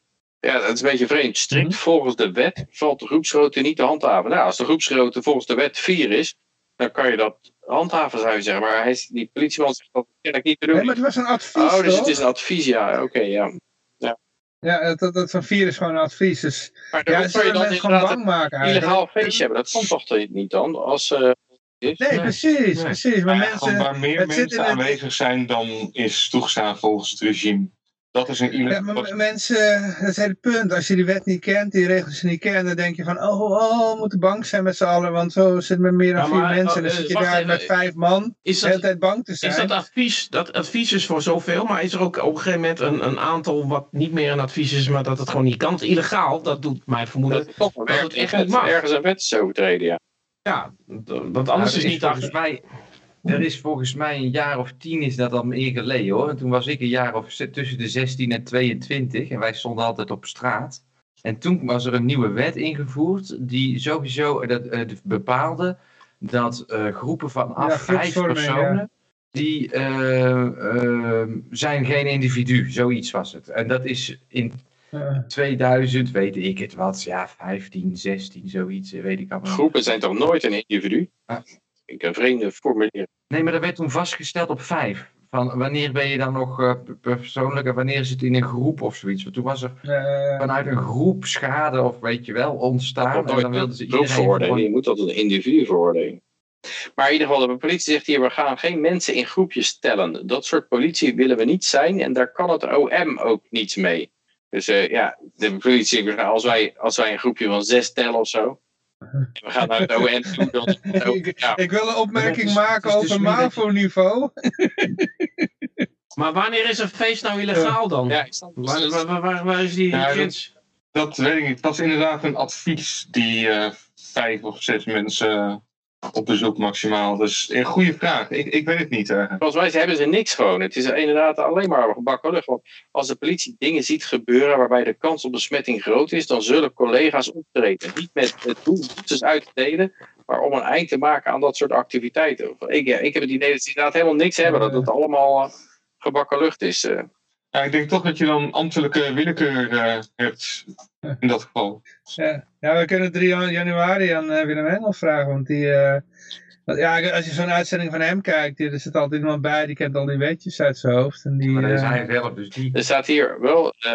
eh, Dat is hij zelf niet die daar. Nee, maar die zal het inmiddels wel weten. Die zal het inmiddels wel weten. Want dat, dat- elke keer in een uitzending dan praat hij daarover. Dus eh, Ah, ik denk dat Willem Engel wel een goed geheugen heeft, toch? Als, zeggen, de politie beëindigt nog geregeld illegale feesten. Voelers zegt die, bij- die feesten zijn er nog steeds. Al is er minder aandacht voor in de media. Zeker op zakelijke locaties waar eh, treden we daar tegen op. Ingewikkelder zijn feestjes thuis, omdat we geen grond hebben om bij iemand thuis binnen te stappen. Die grond Ja, graag hey. Nee. Oké, dames en heren, jongens en meisjes. Ga gewoon lekker thuis een feest organiseren. En zakelijk dus wel. Dus als je een receptie voor je werk of zo, of eh, dat soort eh, dingen, dat, eh, die, die hebben ze, dan mogen ze, dat- denken ze kennelijk binnen te mogen stappen. Ja. Nou, ze zijn welkom. Zijn Wilders boodschap aan de samenleving luidt: iedereen is alle beperkingen rond corona zat, maar gebruik je gezonde verstand. Nou ja, ik denk dat deze boel niet warm ontvangen wordt of zo. Hij vindt weinig begrip. Als die, Gebruik je gezonde verstand. Nou, dat is wel een goede tip. eh, dat is de beste tip zo'n Ja. beetje die ik kan Ja. geven. En ook een mooie reclame voor een blad. eigenlijk zeg En je hebt een tijdschrift gezond je dat tegen die, die 26 ministers zeggen: gebruik je gezonde verstand. Eh, eh, Laatst gemaild, hè? Gezond verstand heb ik Ze gemaild. zijn al bij bericht 7, dat gaat goed. ja, ja, schiet op. Ja, ja, ja. Ik wil een miljoen e-guldens weggeven, maar we zullen zien of het gaat lukken. Ja, ja. De eh, voordat je weggaat, eh Yoshi, voordat je weggaat, kun je daar nog even wel wat over vertellen dan zo. eh. Ja, ik zeg. Als, als ik, ik heb 1 miljoen aan verschillende goede doelen. En ik Mhm. geef het weg als de 1 e-gulden de euro voor een week weet vast te houden aan prijs. Dus hij moet één week boven de euro en dan geef ik aan een hele zwik eh, geef ik geld.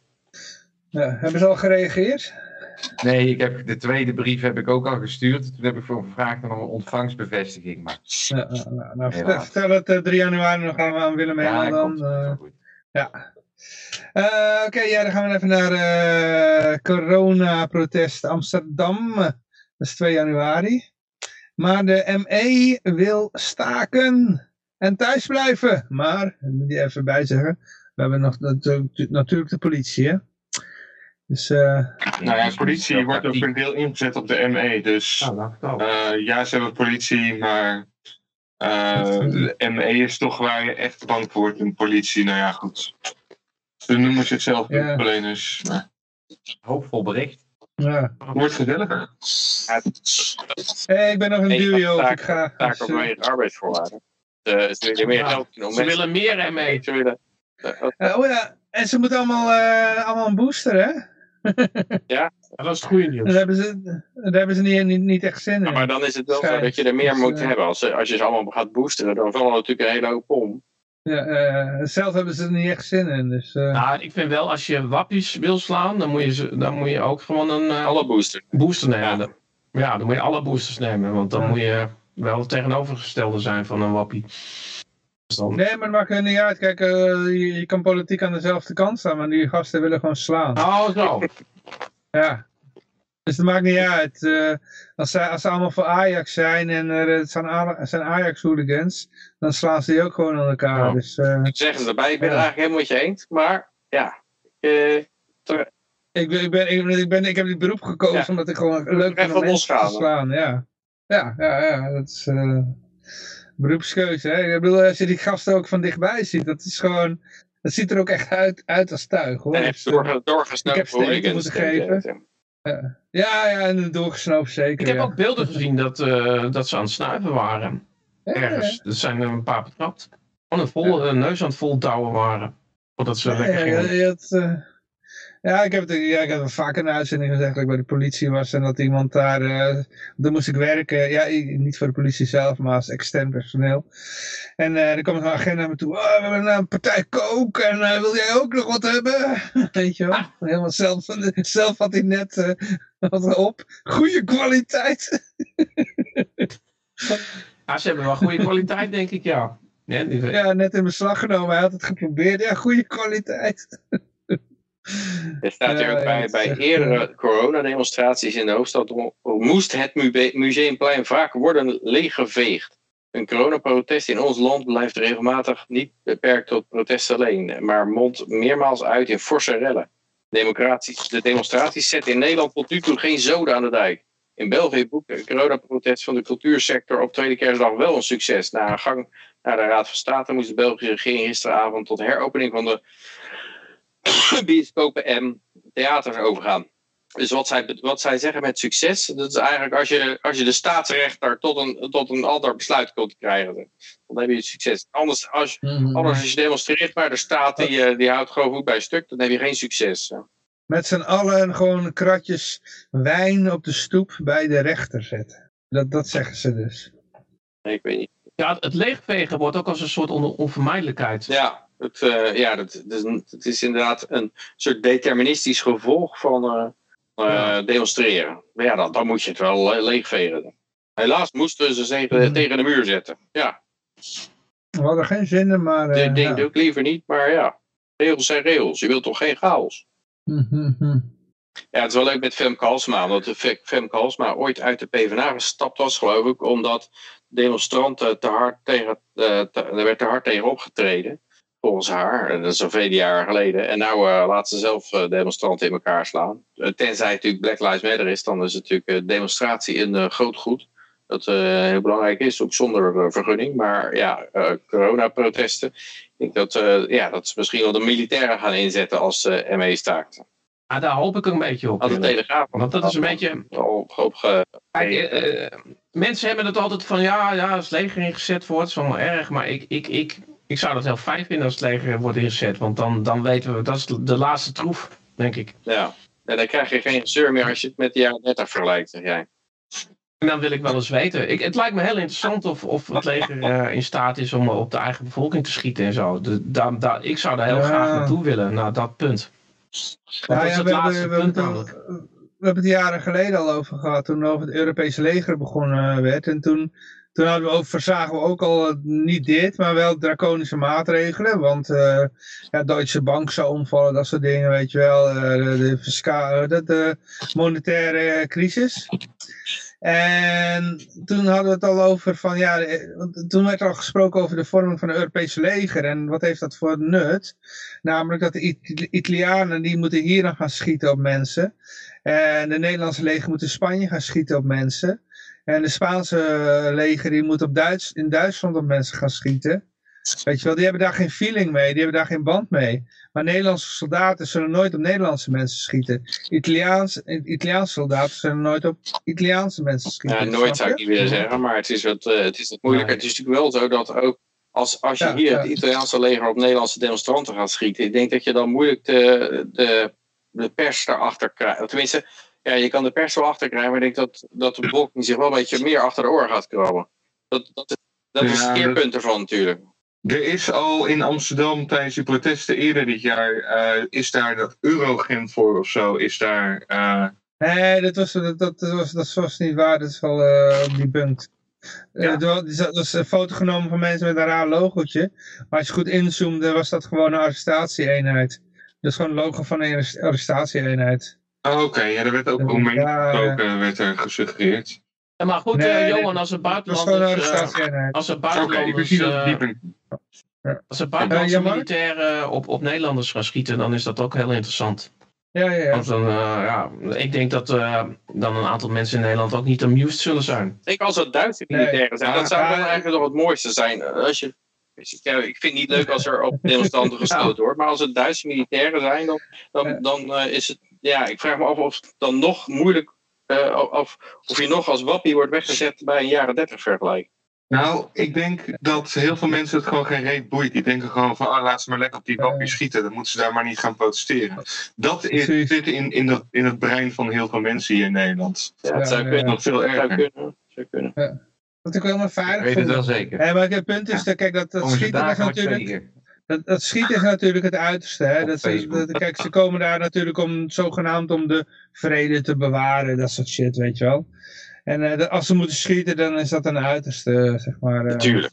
Dus ze zijn daar alleen, eh, wat, wat we dan zullen zien is gewoon dat ze daar aanwezig zijn, dat ze daar even rondlopen. En waarschijnlijk zullen ze dan een bloemetje in hun helm hebben en zogenaamd voor de vrede daar staan. Ja, als het puntje bij paaltje komt, dan, dan zouden ze inderdaad kunnen schieten. Ja. Ja, goed, kijk, zo'n Willem Engel, die, die gelooft alleen maar in vreedzaam verzet. Dat is de enige waar hij in gelooft. En die gelooft dat dat de, enige mogelijkheid is eh, tot Nou verandering. ja, kijk, kijk Maar, dat, eh, dat, zit, dat is geen gekke gedachte. Ik bedoel, de, als je kijkt van wanneer in de, in de laatste, periode, de laatste decennia, eh, wie hebben wel wat bereikt? Ja, dat is Martin Luther King en, en eh, hoe heet dat, eh, Gandhi Ja, dat zo. zijn de enige twee die ik kan bedenken. Verder helemaal Ja, niks. Alle, alle, alle- al het goeds Er is is altijd uit moord en doodslag ontstaan.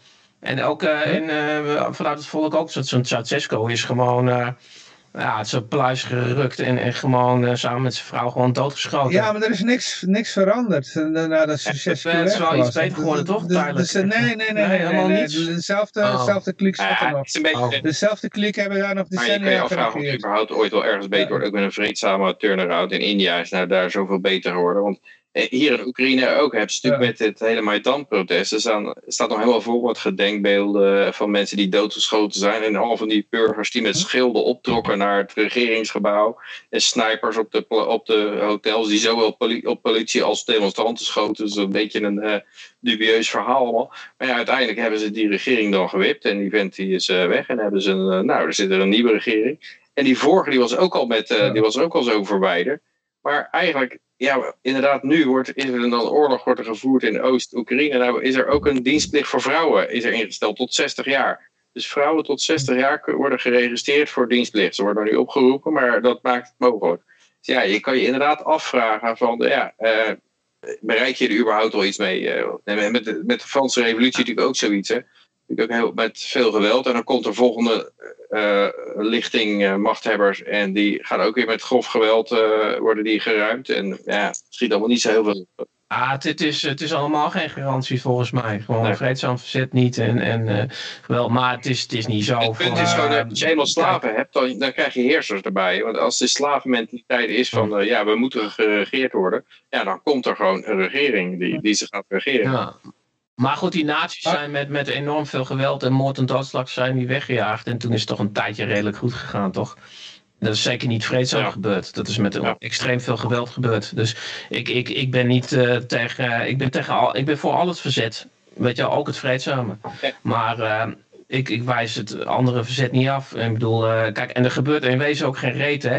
Want wat iedereen die nou zo ontzettend ongelooflijk overtuigd is dat het vreedzame verzet de enige eh, oplossing is. Want, want Gandhi, want Martin Luther King.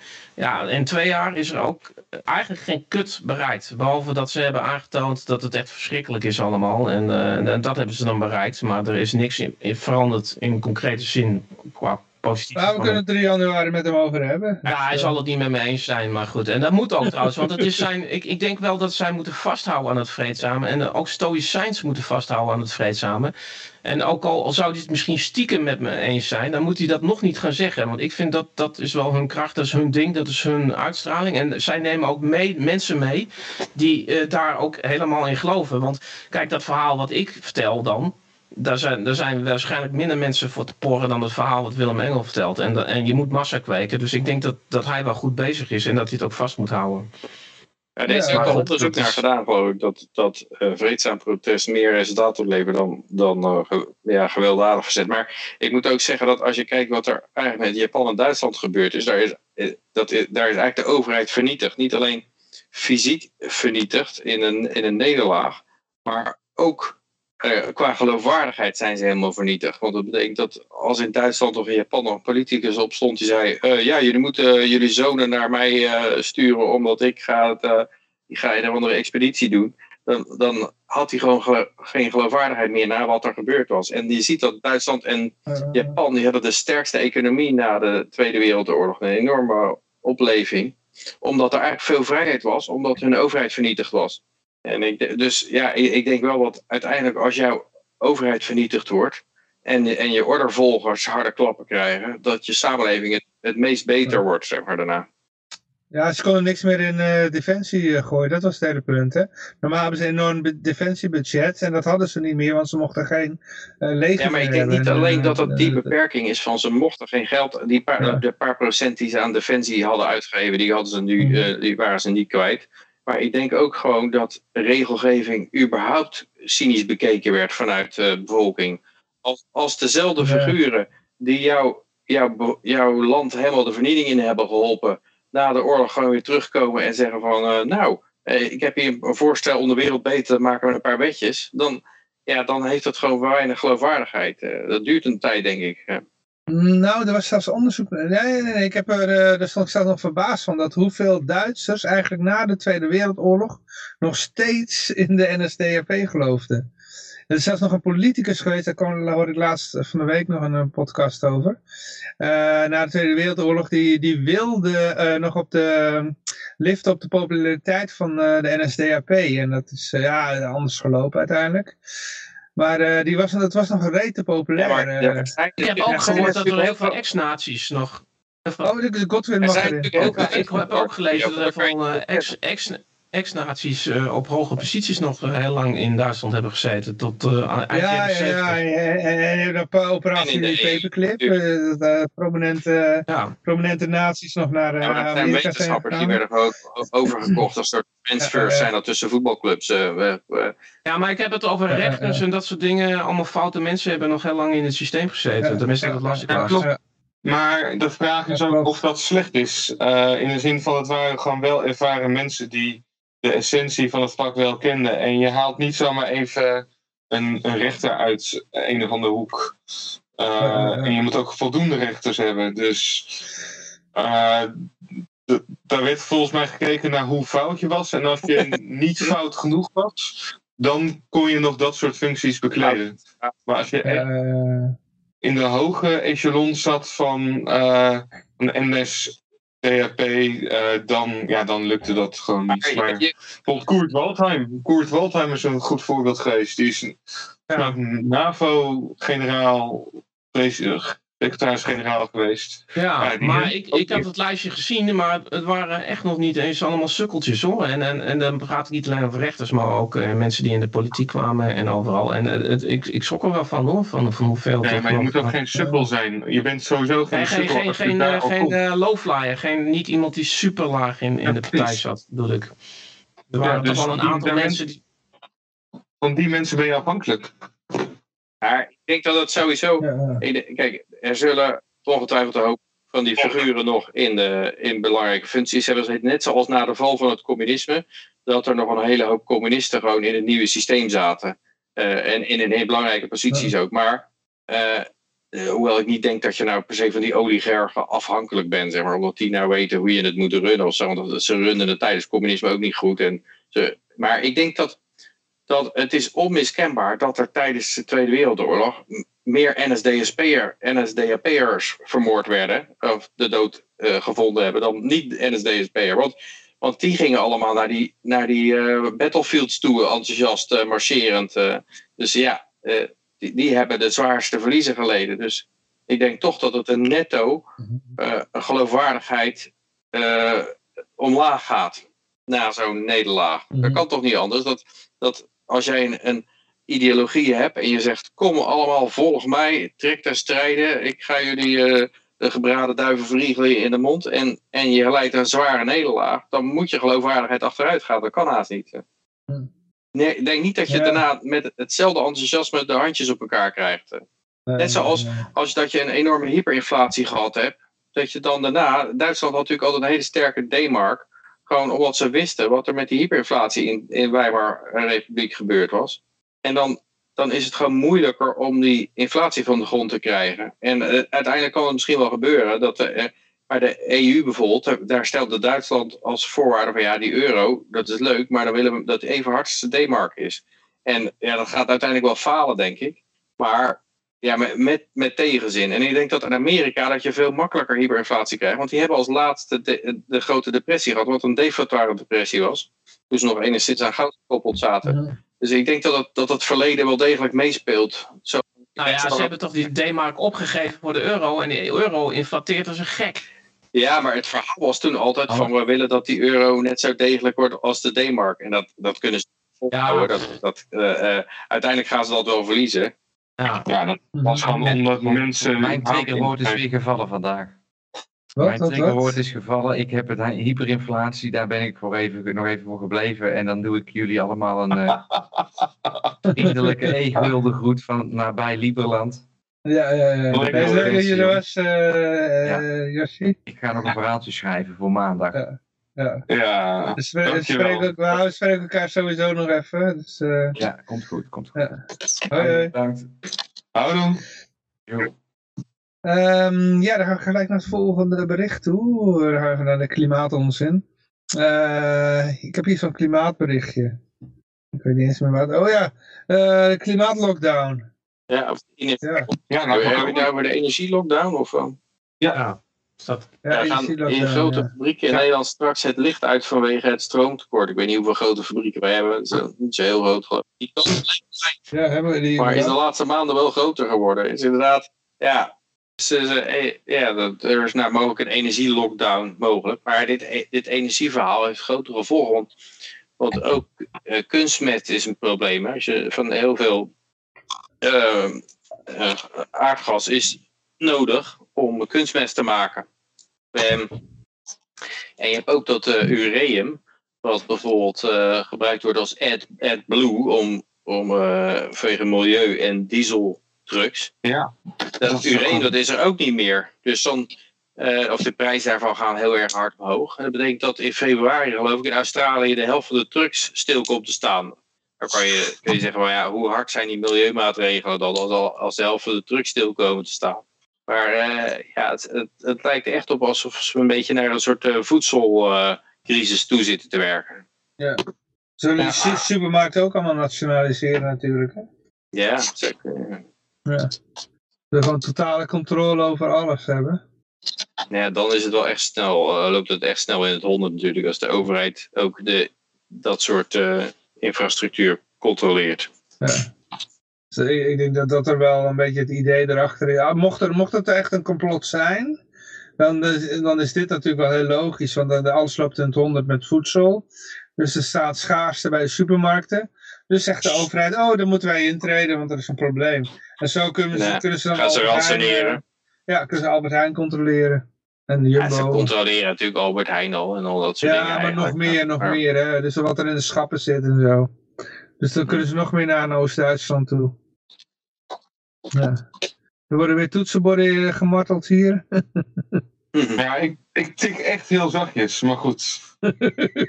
Het klinkt heel als hamerslagen. Ja, maar ik snap niet dat dat een probleem is. Want ik, Nou, Ja, ik je denk dat je- je, als- je microfoon staat waarschijnlijk op automatische gevoeligheid. En als, het dan, als je niks zegt, dan gaat de gevoeligheid heel hard omhoog. En dan komt het tikken heel hard door. Zou dat kunnen?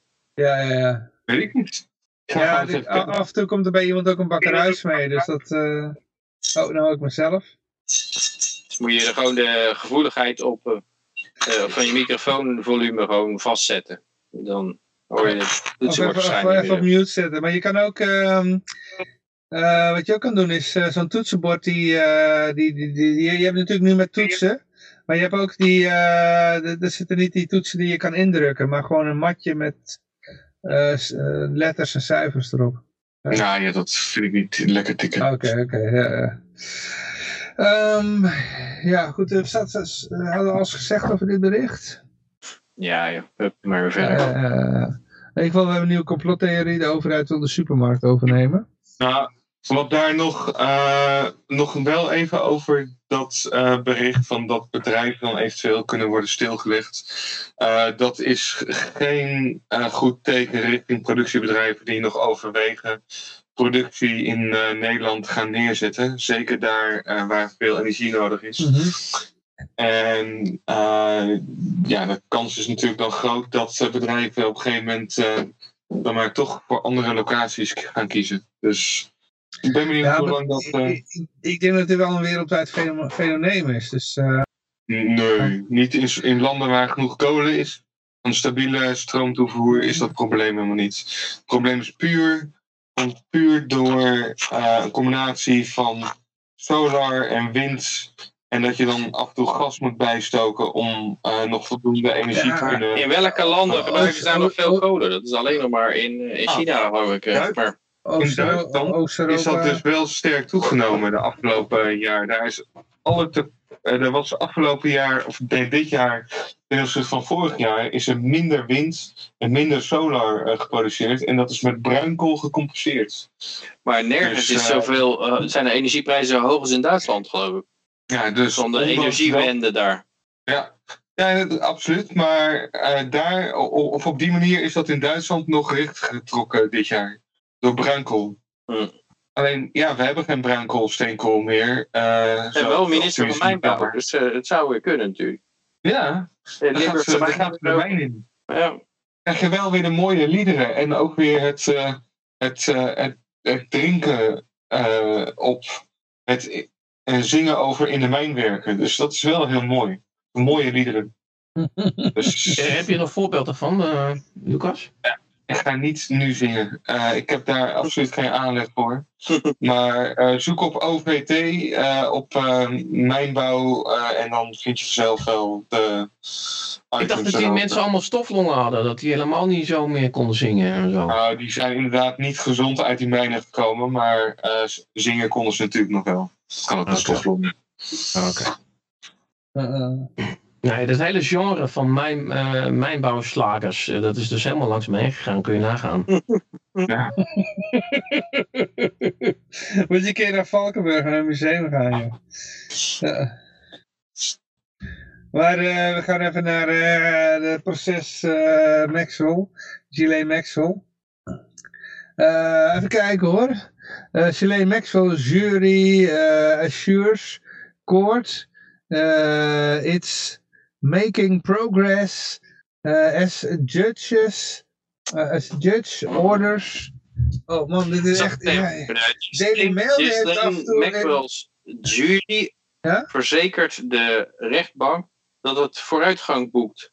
Terwijl de rechter eh, orders deliberations to continue through Thursday and Friday in effort to avoid a, mis mistrial in case of a Omicron outbreak. Dus hij zegt dat je door moet gaan op donderdag en vrijdag om te voorkomen dat je een, Ja. een, mis, een, eh, ja, een on, onrechtmatige rechts, rechtszaak krijgt vanwege de Omicron-outbreak. Ja, de, het, Ja, maar die Daily, die Daily Mail die heeft echt van die lange koppen, joh. Ik bedoel, de meeste kranten proberen altijd die koppen zo kort mogelijk te Ja. krijgen. Alleen Daily Mail niet. Die, die hebben echt van, dat zijn halve pagina's, joh. ja, maar vertel. Even mijn klacht over de Daily Ja, Mail. als je, als je, dan moet je ze ook eigenlijk heel snel voorlezen nog, als, al- als ze toch al lang zijn. Ja, Ja. ja, ja. Maar, eh, ja, ja. ik weet niet precies wat, wat eh, het leek er nog eventjes op. Of, de, of, die, of het een misstraal zou gaan worden, de Ghislaine Maxwell. Maar dit is eigenlijk een beetje achterhaald al door de werkelijkheid. Eh, ja, je, maar je weet maar nooit, hè, met die, eh, die, die, die aanklager is geloof ik de dochter van een, een of andere foute FBI eh eh, Ja, die, die- James Comey, die oud FBI. Eh, En weet je Ja, waar ik, die ik zus... mis de sensatie een beetje. Ik mis gewoon een beetje dat de, de, de hoge mensen eraan worden gelinkt. de- of aan worden genaaid door die, die Kisleen. ja, daar komen we zo nog. Oh, zo nog. Oh, ja. Hey, weet je dat die zus van eh, die Maxwell, eh, dat die ook bij de WEF eh, werkt? Ja, klopt, klopt, klopt. Die, de, de, de familie Maxwell, daar eh, zit ook nog vol met Ah, foute oké. gasten in. Ik zag het net even op de Twitter eh, voorbij komen. Nee, daar hebben we ook een keer eerder een uitzending Oh, behandeld hoor. Dat die, eh, ja, ja. De vorige uitzending hebben we het Er ook is ook, nog er is ook een gehad. Wef-wijf. Ja, ja, ja. Yeah, I was fall asleep with this podcast stuff. Then, but I had my headset up and suddenly you could drink uh, podcast. Ah. yeah, this uh, vodka is uh, knock knockout. Knockout vodka. Volgens mij weet eh, Peter niet dat zijn microfoon Nee, ik weet niet hoor. De luisteraars dit allemaal moeten weten. Gewoon eh, wat jij allemaal doet eh, met, met wodka en een vrouw. Nou, ga door. Laat, uh, had nou even niks gezegd. Ah, not on you. Ah.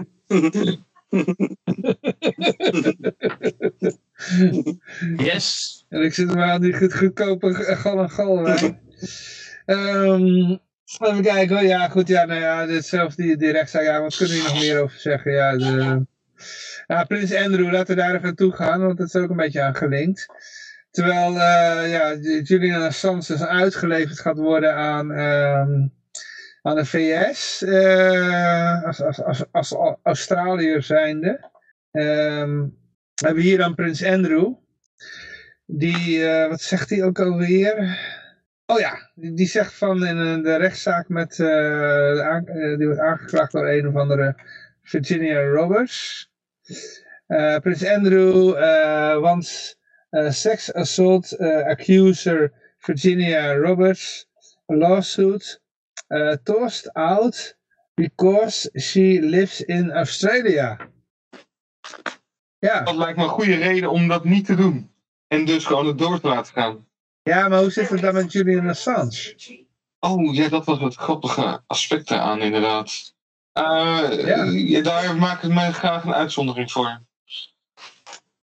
Dus oké, als, als, als Prins Andrew dan niet aangeklaagd hoeft te worden, eh, dan in ruil daarvoor hoeft Julian Assange niet uitgeleverd te worden aan de VS? Nee, dat is helemaal los van gekoppeld. Of zeg je gewoon, ja, eh, Julian Assange die hoeft niet uitgeleverd te worden aan de VS, maar Prins Andrew Nee. moet wel gewoon vervolgd is worden? gewoon volkomen eh, voorkeursbehandeling wat hier gewenst is. Dat is wat hij eigenlijk gewoon vraagt. En dat is natuurlijk al... Maar goed, dit is, al, dit is al een oude lul. Die is toch binnenkort toch al gewoon op de, de natuurlijke wijze zal die het, eh, de, de, de plek onder de zoden Die krijgt vinden. een vliegtuigongeluk. Nou, los daarvan hoor. Ik bedoel, dat is gewoon al, hij is gewoon al een oude lul. En eh, zijn broer is ook al eh, dood. Die had er gewoon een een covid-vaccin genomen. Oh, oh, oh, oh. dus we wensen hem gewoon een covid-vaccin toe.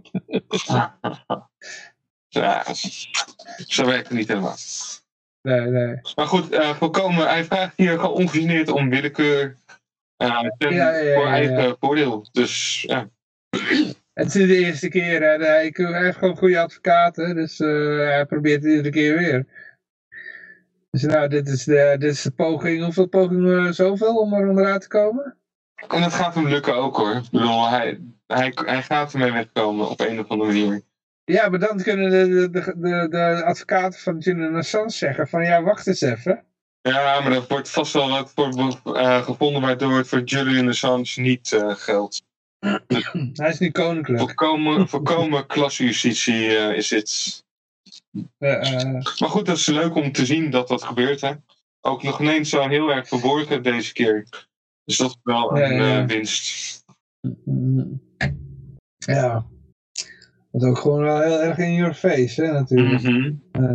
Het is wel heel raar dat uh, kennelijk als je in Maar- Australië woont, dat, je, dat eh, alle criminele dingen dan komen te vervallen of zo. Dat is een eh, hele aparte... Behalve als je Julian, be- behalve als je Assange maar die woont niet in Australië. heet. Nee, maar hij is wel in Australië. Ja, maar het gaat erover. Eh, hij zegt hier, dus ze woont in Australië. Die, die, die, eh, die. Jeffrey Roberts, die is ook geen Australische. Maar hij zegt, eh, ja, het moet weg omdat zij woont in Australië en niet in de Verenigde Staten. Dus iedereen die in Australië woont en niet in de Verenigde Staten, wat eigenlijk automatisch is als je in Australië woont, die, die heeft niks te, in de melk te brokkelen meer. Ja, ja, goed. Ja. Maar er is een schaap doodgeschoten. Ja, goed. Moet je wel even eh, uitleggen aan de luisteraars dat het hier daadwerkelijk om een echt schaap gaat. Hè? Want eh, is- Ja, ja. ja. Oh, om, om verwarring te voorkomen. Ze hebben het In dier, Friesland, maar. hè, Het, ja. En het is in Friesland gebeurd op de N31. Het was, het was maar een vrieschaap. Maar het staat hier, twee Eh. voertuigen zijn zaterdag op de N31 in Friesland met elkaar in botsing gekomen toen er een schaap op de weg liep. Het dier liep na het ongeluk opnieuw de weg op en werd door de politie doodgeschoten om meer ongelukken te voorkomen. Meld Friesland. Eh, eh, eh, ik vind het al, vraag me altijd af, is dat doodschieten nou noodzakelijk om meer, je, kan, je kan ook even het eh, verkeer ophouden of zo en het, het schaap terug erbij inzetten of zo. Dat eh, lijkt mij. hij- het ligt dus niet aan het weiland. Dat, dat, dat de sloot niet diep genoeg is of groot genoeg of, of eh, het hek niet hoog genoeg. Want nu komt er een ander schaap in te staan, maar die, die, die is dus waarschijnlijk ook fysiek in staat om, om het of, of is het, is het een anarchistisch schaap? Als die kunnen zeg maar, eh, wat heel erg Ja, het was een FPD-stemmer, eh, die eh, dat schaap. Dus dan krijg je dat. Maar het, Dan mag dat. Ja, ze- ze- ze- Het zijn de meest makke beesten die er zijn. Ja, bedoel, hoe moeilijk moet het zijn om een schaap onder controle te houden, vraag ik me af dan. Nou, in de- ja, ja, ja, politie is toch weer MAVO, hè. Dus eh, ja. Nee, weet je, nee, maar goed, als aan beest echt Amerika- on the run is Amerika. en het dreigt gewoon... Oh, sorry, Peet was aan het uh. Ja, ik wil even in Amerika was, ze laten iemand in een, in een rolstoel acht keer met een kogel doorzeefd, omdat hij met een mes zwaaide. En ja, dan kan je zeggen, maar ja, is, is dat nou nodig om iemand in een rolstoel met acht kogels te doorzeven? Omdat, Ah, Ja, als- MAVO-niveau, ik hè. dacht dat de regel was dat je eerst de banden lek schiet dan. Ja. nou, dat lijkt wel moeilijk bij zo'n zo'n rolstoel. Hey, oh, oh. Maar ik, Ja, op, ik, ik op heb wel de benen schieten heeft ook geen zin. Normaal moet je op de benen schieten, maar hij zit in een rolstoel. Eh, Ik denk dat het weinig effect heeft op zijn mobiliteit. ah, je kunt dan alsnog in de benen schieten, gewoon voor, gewoon voor, de, ja, voor de lol. Maar ja, Maar je hebt het idee dat de, ja, de politie niet helemaal uit is op geweld, de-escalatie en op... eh, ja. Nee, juist andersom natuurlijk. Die hebben net gesnoven en die willen een kick hebben. Dus, Ja, ja, Ik, ik snap niet wat er nou een, een, schaap op de snelweg en dan moet je daar gelijk met een vuurwapen op afgaan. Maar ja. mm. ik weet het niet. Kijk, volgens ja, Johan ze nemen ze alles gewoon mee. trigger. Volgens Johan eh. nemen ze alles mee. De kook, eh, alles wordt meegenomen. Dus misschien hadden ze nou zin in zwarma en, en eh, weet ik niet. Ik bedoel, confisceren alles en gebruiken het zelf. Waar ik begrepen heb van, van Johan heeft het zelf meegemaakt. Dus ja, Moeten ze wel op de kop geschoten hebben, want anders is het vlees verder niet bruikbaar ja natuurlijk. gaat de politiekogels en niet om hagel, hè? Hagel. Nee, nee, nee, zelfs met kogels. Ik bedoel, als jij, ik met- ben wel eens met jagers op pad geweest, moet altijd op de kop schieten. Maar die schieten dan kan je de rest van het vlees gewoon gebruiken. Nee, nee, nee, nee, die schieten ook met kogels hoor, jagers. Maar als je dan op een, eh, kijk, de plek waar je schiet met die kogel, dat vlees kan je niet meer gebruiken. En dat is best wel eh flink hoeveelheid dat je dan niet meer gebruiken kan. Okido. Ja. Dus je moet eh, echt, ja, daarom, daarom schiet je op de kop. Een beest. Ervaringsdeskundige Johan hier. Nou, ik ben wel eens met jagers op pad geweest.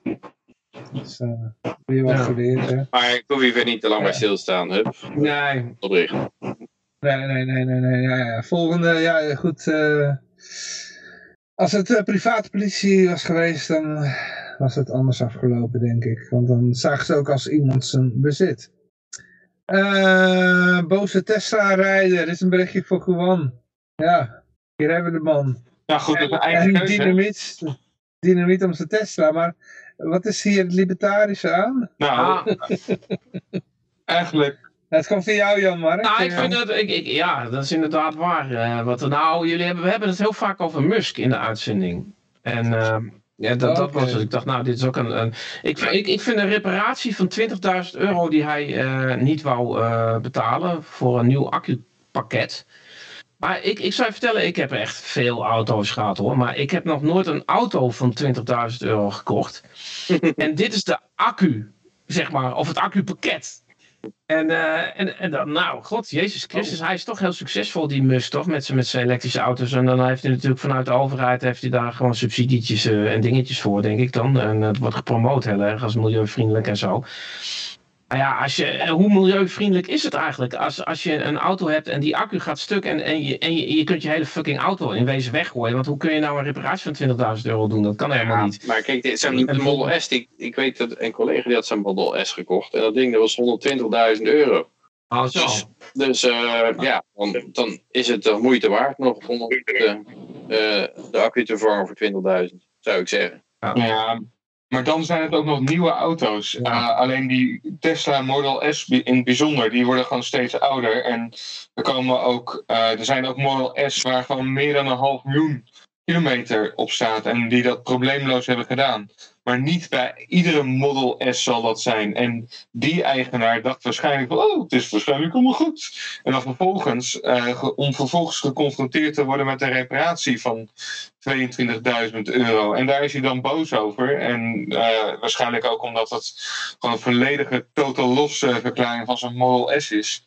Ja, als hij dan die, eh, dat op die manier oplossen. Ik vind het wel grappig, want ik heb niet zoveel met, eh, met eh, batterijauto's. Maar aan de andere kant heb ik ook net een hybride auto gekocht. En ook daar weet je gewoon van als die batterij of die eh, elektrozooi daarin naar de kloot gaat, ja, dan ben je gewoon aan de beurt. Dus die man die hij heeft gewoon een hele dure les geleerd, namelijk dat die elektro-rotzooi, dat dat ook gewoon een zooi geld kost. Ja, het ik snap was wel wel dat een beetje auto een stunt. 120.000 is. Want hij had ook een helikopter ingehuurd en dan gooide ze een pop van Elon Musk eruit. Die flikkerde zo op de grond. Ja, En dit kost ook echt minimaal vol 20.000 met- euro, denk ik, dat hele opblazen. Maar ja, via dat YouTube-filmpje kan je daar natuurlijk ook wel weer. Hij had er er is zo'n club die maakt YouTube-filmpjes van het dingen opblazen. En die vonden een Model Tesla opblazen ook wel apart. Ik denk dat misschien via reclameinkomsten dat hij, er- dat hij er nog wel een nieuwe Model S aan heeft overgehouden. Dat zou wel goed kunnen. Ja, dat kan ook Eh, nog. Maar als mensen echt vol me- met haat en frustratie zitten, doen mensen dat soort dingen ook. Dit, ik, ik, ik gok hier, volgens mij is dit bericht mede mogelijk gemaakt door Volvo. Mhm. Zou, ja, zou kunnen. Maar het is ook zo, het is wel zo. Hij, ik zie nou, hij kocht de een Model S tweedehands enkele maanden geleden. Ja, en hij reed er 1500 kilometer en dan moet hij die accu vervangen voor 20.000 euro. Ja, dat is natuurlijk een beetje, dat, is, dat maakt de zaak wat pijnlijker. Als je, als je er 1500 kilometer gereden hebt en je krijgt dan een rekening van 20.000 euro, dat, eh, dan, dan, ja, dan valt het wel even wat anders uit. Ja. Ja, Maar ik snap Ja, ook is wel dat zo'n auto eh, 120.000 euro kost. Als alleen de fucking auto, eh, accu al 20.000. Hè? Dan weet ik, ik, ik durf niet eens te, te, te, gokken wat een achteruitkijkspiegel kost eh, bij zo'n Tesla dan. Wat, wat, wat, wat Nou, dat valt mee, maar dat belooft wat voor de toekomst. Als die dingen nog steeds meer eh, afgereden zijn en ook op, op een tweedehands of derdehands markt terechtkomen met mensen met weinig koopkracht, want die moeten op een gegeven moment ook elektrisch gaan rijden. Ja, dat belooft dan wat hoor. Dus eh, dit zijn filmpjes die de opmaat zijn nog voor nog veel meer filmpjes. En mijn Eh. Tesla-haat is wel zo groot. Is het, het is gewoon afgunst eigenlijk. Dat ik het wel prima vind zo. Dus eh, laat ze die zo maar lekker opblazen. Ja, maar ik heb een auto uit vorige eeuw, maar ik bedoel, eh, weet je wel, dit ding eh, dit is in 2013 gebouwd en dat is nou tot los, gewoon puur op een accu. Maar je hebt uh, T-Force van 100 jaar oud die gewoon nog steeds Ja. rijden. Hè? Ja, het die Mercedes ja. 223. Ja, ik had ook zo'n dieseltje, zo'n Turkenbakker. Fiat Punto diesel. En die schreef ook niks meer af, want ik, ik wilde al eh, twee jaar geleden geloof ik, een, wilde ik hem inruilen. Dus ja, restwaarde was 3000 euro. Nou ja, nou, twee jaar later, nou heb ik hem uiteindelijk ingeruild, was de restwaarde nog steeds 3000 euro. dus dus eh, ja. Ik, had een, eh, ik, ik, ik was laatst bij een kennis en die zat ook te klagen over haar auto en zo. Want die had een wat, we zeggen, wat nieuwere auto. En die zei, ja, vroeger deed ik er heel lang met mijn auto. En nu is hij al, ik heb hem net gekocht, is vijf jaar oud en het doet al moeilijk. Wat, wat is dit voor prut? En eh, toen zei ik van, ja, koop gewoon een Rolls Royce. Dus eh, hij zei, ja, is niet te betalen. Ik zeg, nou, die, en ik weet toevallig van een kennis van mij, die heeft dus een Rolls Royce van 20.000 euro gekocht. En eentje uit de jaren 80.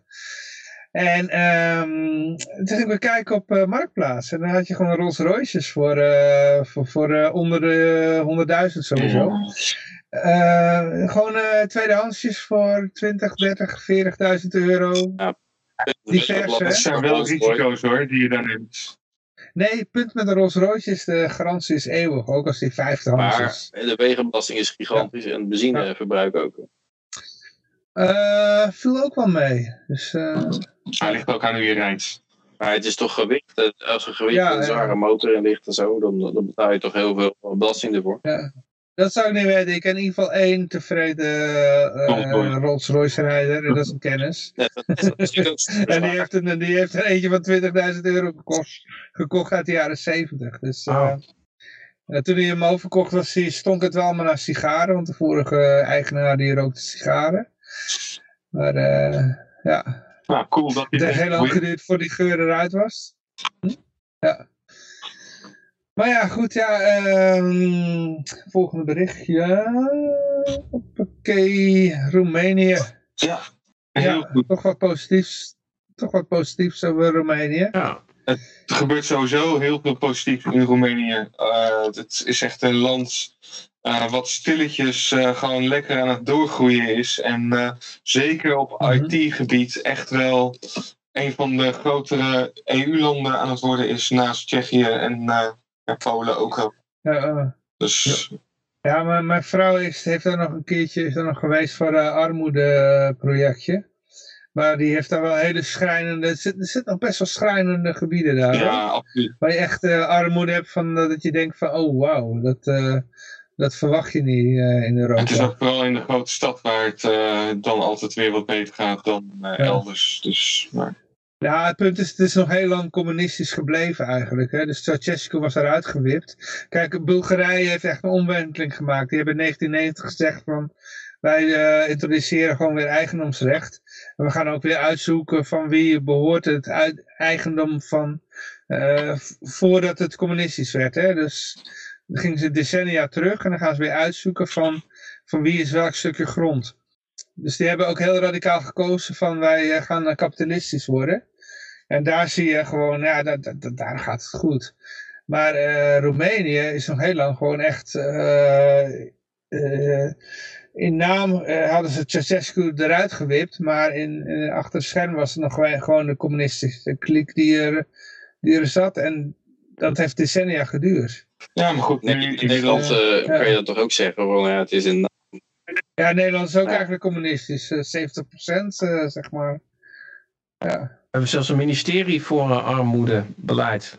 Ja, we hebben, we hebben meer ministers dan, dan de Sovjet-Unie. Maar hoe zit het met de vrijheid in Roemenië dan? Is het een, eh, eventueel een immigratielandje voor mensen die vrijheid willen? Is het, eh, gaat het goed daar? Volgens mij zie je meer Roemenen in het buitenland dan eh, dat er mensen naar Ja, Roemenië Ja, maar gaan. gewoon met die coronamaatregelen. Volgens mij hebben we nog steeds de titel van het bericht niet behandeld waar het over gaat ook. eh, eh, dat Oh, Polen God. erkent een Roemeens grondwettelijk hof voorrang Europees recht niet. Dus ze plaatsen hun eigen recht boven het Europese recht. Dat is, eh, Ja. dan, Eh, positief. Dat het is wel zo dat er staat, eh, dat blijkt alvast uit de stellingname van het grondwettelijk hof, dat meent dat een arrest van het Europese hof in Luxemburg niet toegepast kan worden zolang de grondwet niet veranderd is. Dit is natuurlijk al een voorzetje. Dus eh, ja, Oei. volgens onze grondwet Ja, ja. niet. Dat betekent van, eh, nou, de grondwet moet veranderd worden, zodat het wel kan de volgende keer. Ah, oké. Maar ja, goed. Ja, Eh, dat is dan te hopen van niet. Ah, ik heb het idee dat Polen wel goed bezig is ook bijvoorbeeld. Die, die, die zetten zich ook heel duidelijk af tegen eh, Ja. een hele hoop dingen uit de EU. Ja, als meer Europese, eh, Oost-Europese landen dat gaan doen, dat, dat is zo mooi. Want ja, die Euro- Oost-Europese landen die werden eigenlijk een beetje omgekocht. En die hadden zoiets van, ja goed, er gaat een hoop geld naar ons toe. Dus dat was toch wel leuk, hè? Kunnen we wat eh, wegen aanleggen en alles. En hebben lekker, lekker veel poen uit de EU.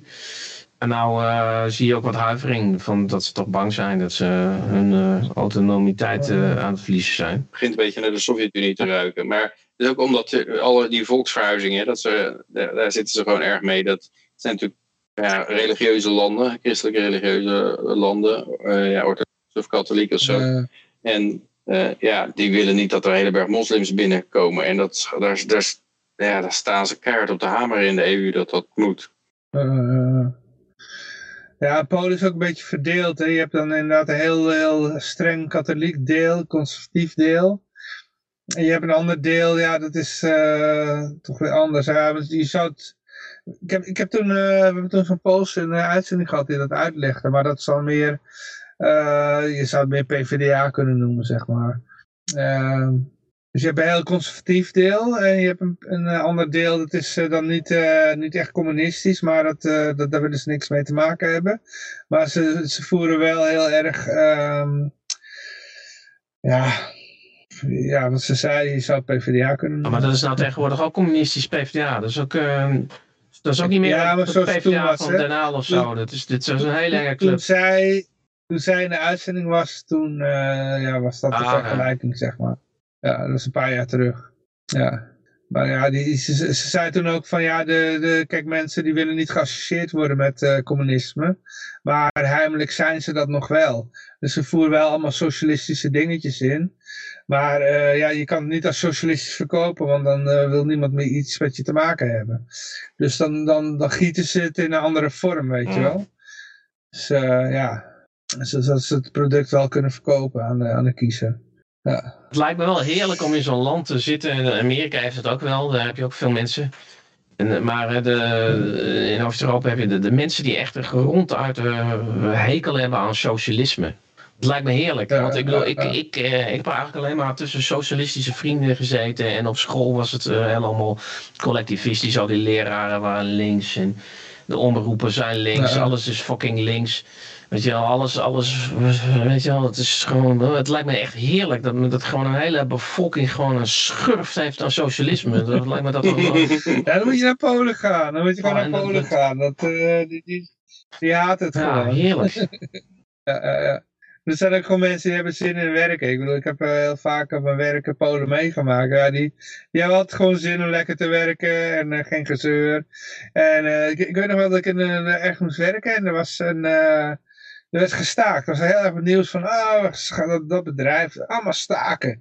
Ja, die bus, het staken, ze moesten van buitenaf komen, want niemand wilde staken in dat bedrijf.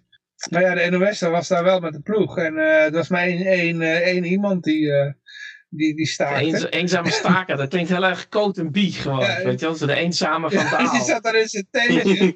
maar toen de NOS er was, de NOS die kwam tegelijk met de bus. Met eh, allemaal SP'ers die daar gingen, en met de toeters en bellen gingen blazen, weet je wel. Met, met, met eh, allemaal herrie gingen maken. Dus die kwamen tegelijk met de bus van de NOS aan. Dus die stapte uit en die ging allemaal herrie lopen maken. En met zo'n toeter lopen toeteren. En de NOS die kwam daar filmen. En dan zag je dus op de journaal van, nou, eh, dat en dat bedrijf, ik zal even de naam niet noemen. eh, ja, we hebben staking en het personeel eh, legt het werk neer. Nee, ze hebben gewoon, het werk ging gewoon door. En die ene gast die, eh, die, die, die daar liep te, die, hoe dat, die daar buiten zagrijnig liep te kijken in zijn tentje, ja, die is gewoon vervangen door een Pool. dus het werk ging gewoon door. Niemand heeft gestaakt. En nou heb je van die professionele klimaatdemonstranten. hè? We hebben het ook al over gehad. Van, van neuk me in de reet in plaats van de planeet. Zo- Zo'n iemand met een GroenLinks mondkapje, weet je wel. Zo, echt zo. Ja, geen homo wilde daar zijn pik in steken. Ja. Nee, maar goed, ja. God. Volgende bericht. Laatste, laatste Oh man, wat is een fijne uitzending. Is je bier al op? Nee.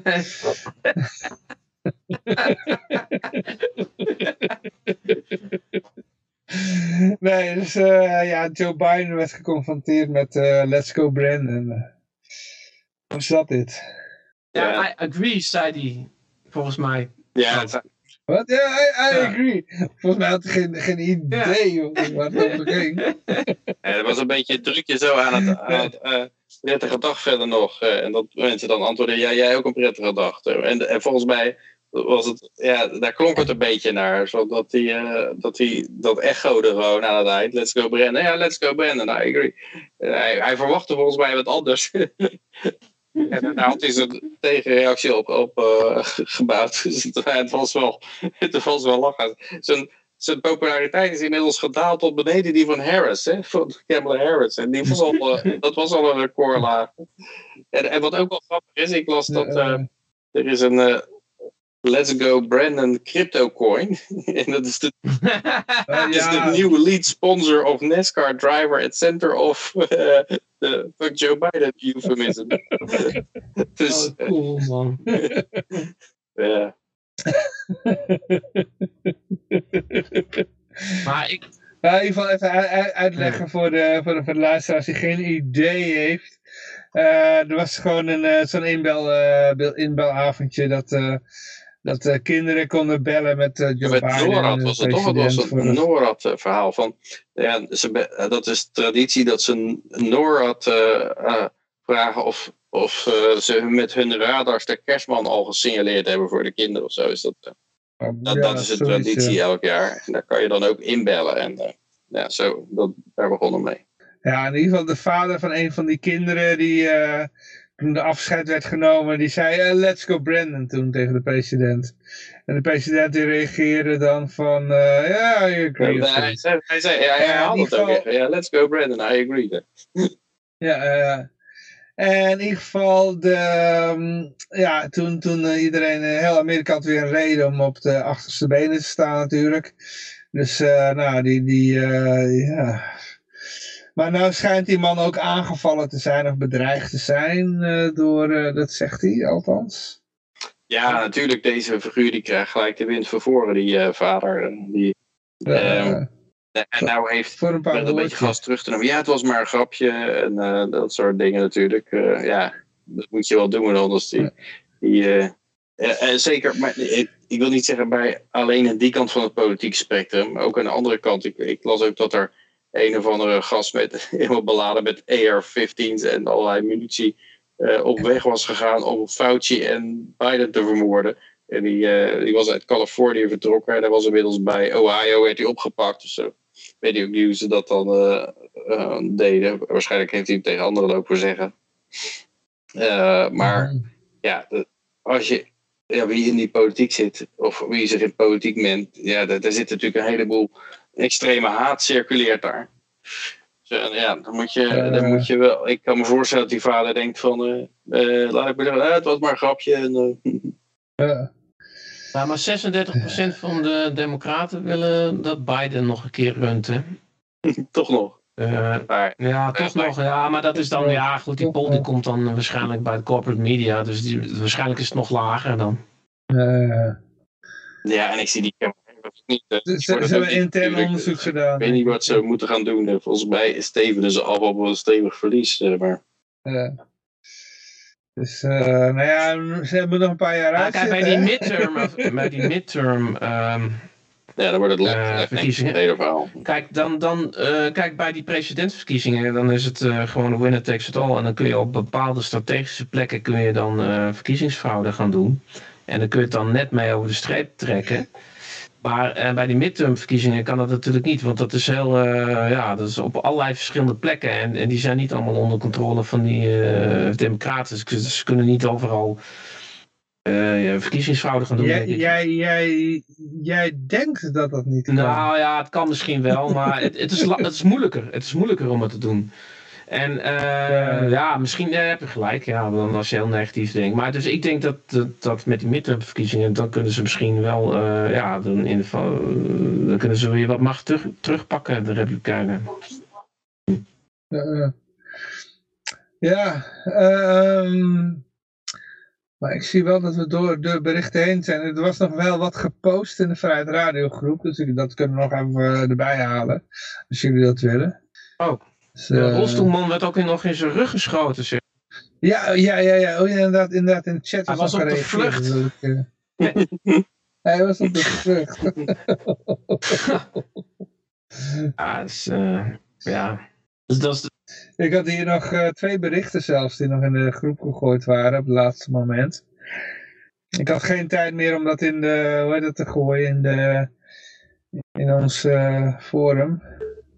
Maar het was het bericht, eh 100 sportscholen willen naar de rechter voor eh, heropening. ja. We hebben ook nog een ander bericht. Of zo. Ja, het is, eh, ja, het is natuurlijk weer sowieso naar de staatsrechter gaan voor bescherming tegen de staat. Maar ja, er, er wordt toch wat gemorreld, zeg. Er wordt toch wat, ja, die, die, ze zijn het er niet super, super happy mee, laat ik maar zeggen. Die, die, Nee, nee, nee. ik denk ook dat die restaurants er in feite niet eh, happy mee zijn. Maar ik heb hier in, in Oekraïne ook al meegemaakt hoor. Dat, eh, ja, je gaat, we hebben er twee restaurants gehad waar, je, eh, waar we geweigerd zijn. eh. en, eh, Ook vanwege de Ja. QR-code.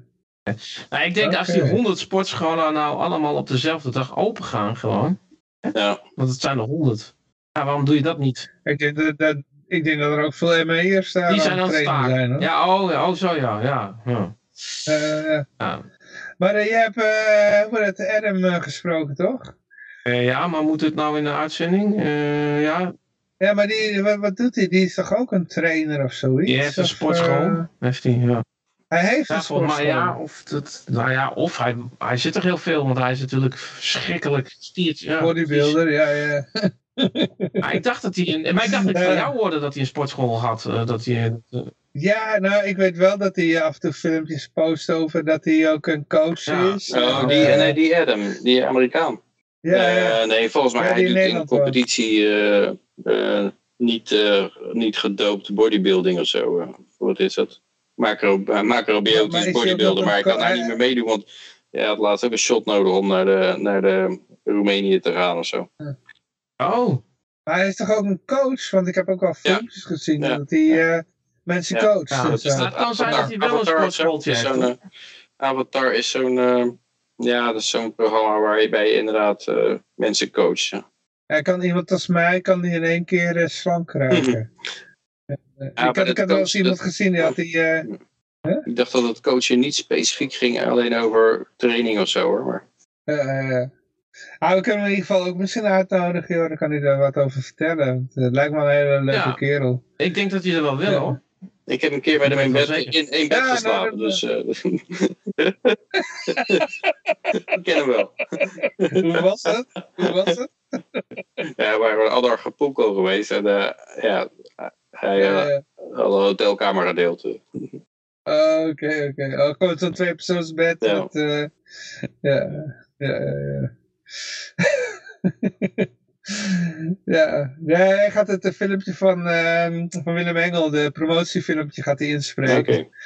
En eh, ja, ook in, eh, dat we hem ook kunnen zien. En dat, ik, ik, mijn idee, mijn voorstel was vanuit het perspectief van zo iemand die in de sportschool zit te doen. Ja, het leuke is dat hij, Dus, hij als Amerikaan als hij altijd heel erg enthousiast over Nederland. Van ja, het is veel, veel eh, vrijer hier in Nederland dan in Amerika. Eh, maar nou, nou had hij nog even, zo'n vertrouwen had even een klap gekregen na, de, na wat er nu Ah, gebeurde. dat, dat wordt ook zijn Ja. insteek van zijn boodschap, zei hij tegen mij. Want eh, Ah, Oké, oké. hij ja, zei ja, van, ja. nou goed, als ik iets over mezelf moet vertellen, dan, dan, dan, ga ik dat er wel inbrengen. Van, ik ging naar Nederland toe met... met en, en, en in eerste instantie leek het ook allemaal hartstikke goed in Nederland. Dus eh, en, eh, was hij hier ook blij. En ja, tot het, eh, het coronafascisme toesloeg. En, eh, dus ja, Misschien ook wel een idee dat misschien wil die op 3 januari ook wel even zijn verhaal komen vertellen. Gewoon dat we hem ook even uitnodigen. ja, ja, Lijkt me wel leuk. ja, Ja, en, eh, ja, goed.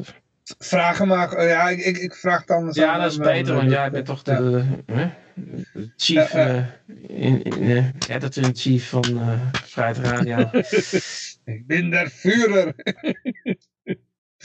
Ja, we hadden nog een ander bericht trouwens. Eh, ja, ik weet niet, we hebben hier nog wat over te zeggen eigenlijk. Eh, Nou ja, nee, dat is het liefste Ja. wat ik wil, is gewoon dat al die... Kijk, het is gewoon vandaag afgelopen. Als alle winkels, alle sportscholen, alle restaurants, alle cafés, alles en iedereen nu gewoon allemaal open gaat, is het gewoon vandaag afgelopen. Was het gisteren al afgelopen geweest? Weet je wel, je kunt wel naar die kutrechter weer.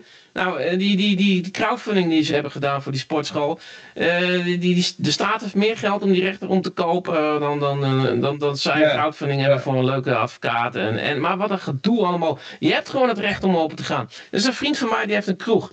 En die zei van ja, ja, ik ga niet open, want dan ben ik mijn vergunning kwijt. Nou, wat kan je dan met die vergunning?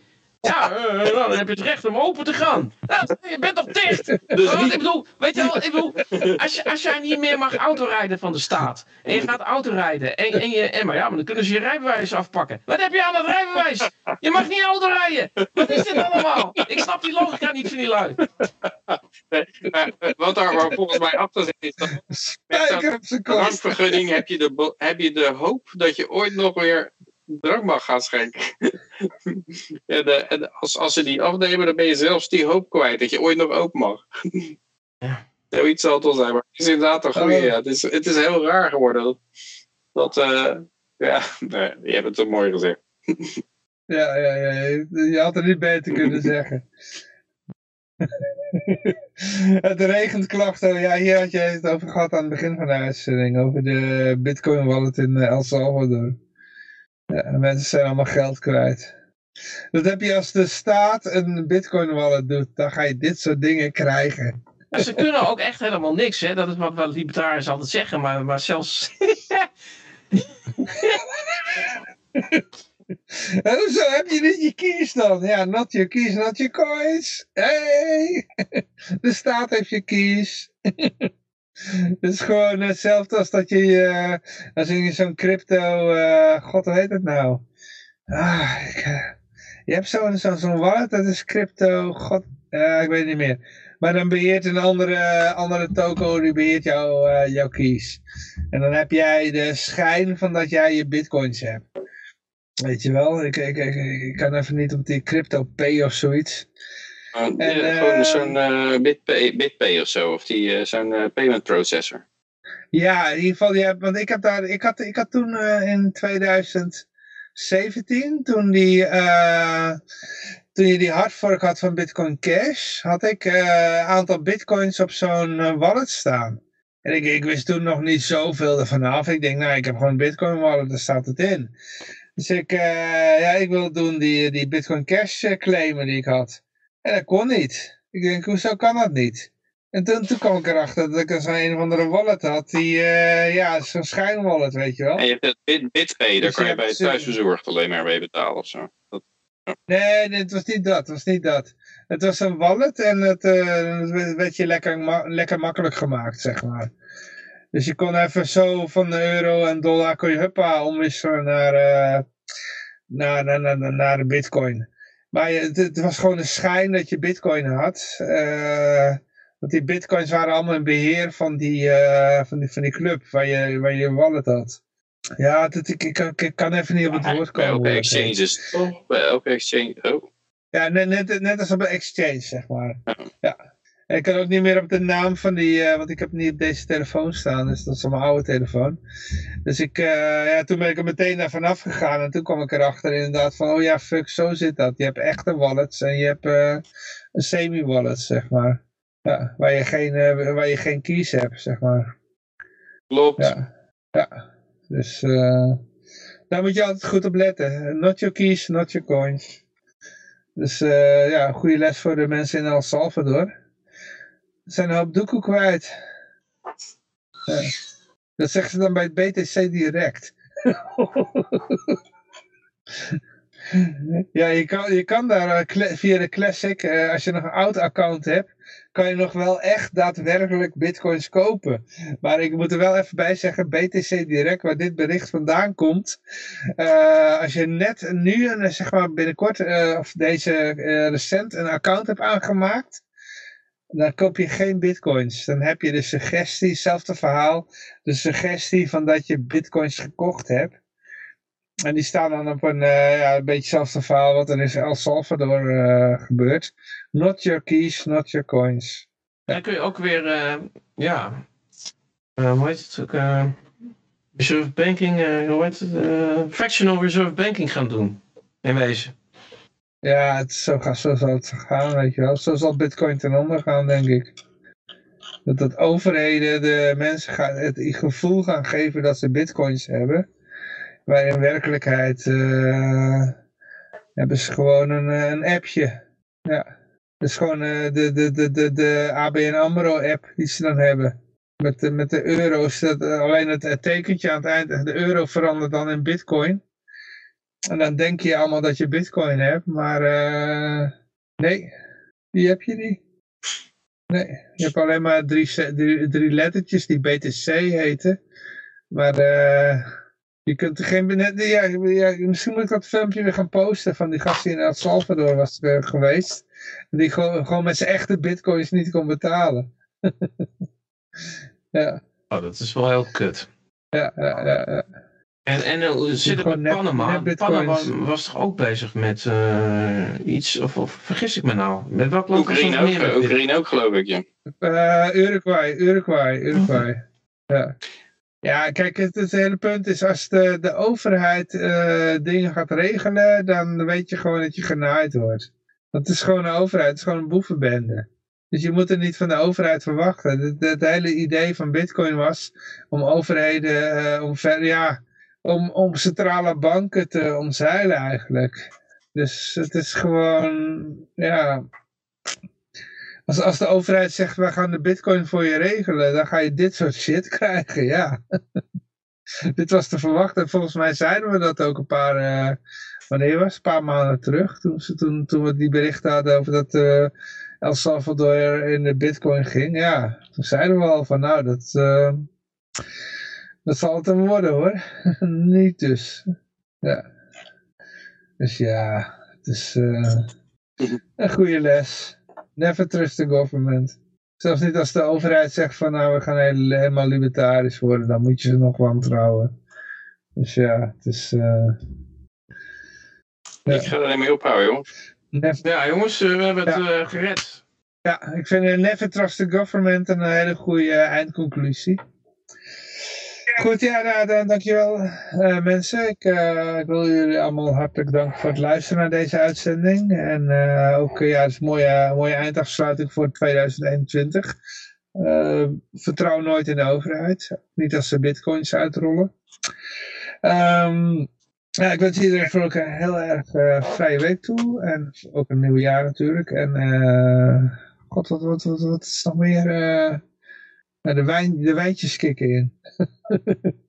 Maar ik zou zeggen toedeledokie, laat ik dat maar zeggen. En hier is de eindje. Hallo. Hoi, hoi. is er wel een eindje? Ik hoor het zelfs niet meer hoor. Wat hoor je niet meer? Ja, of die eindtune nou daadwerkelijk inge- ingestart is. Nou, dit denk ik wel erbij.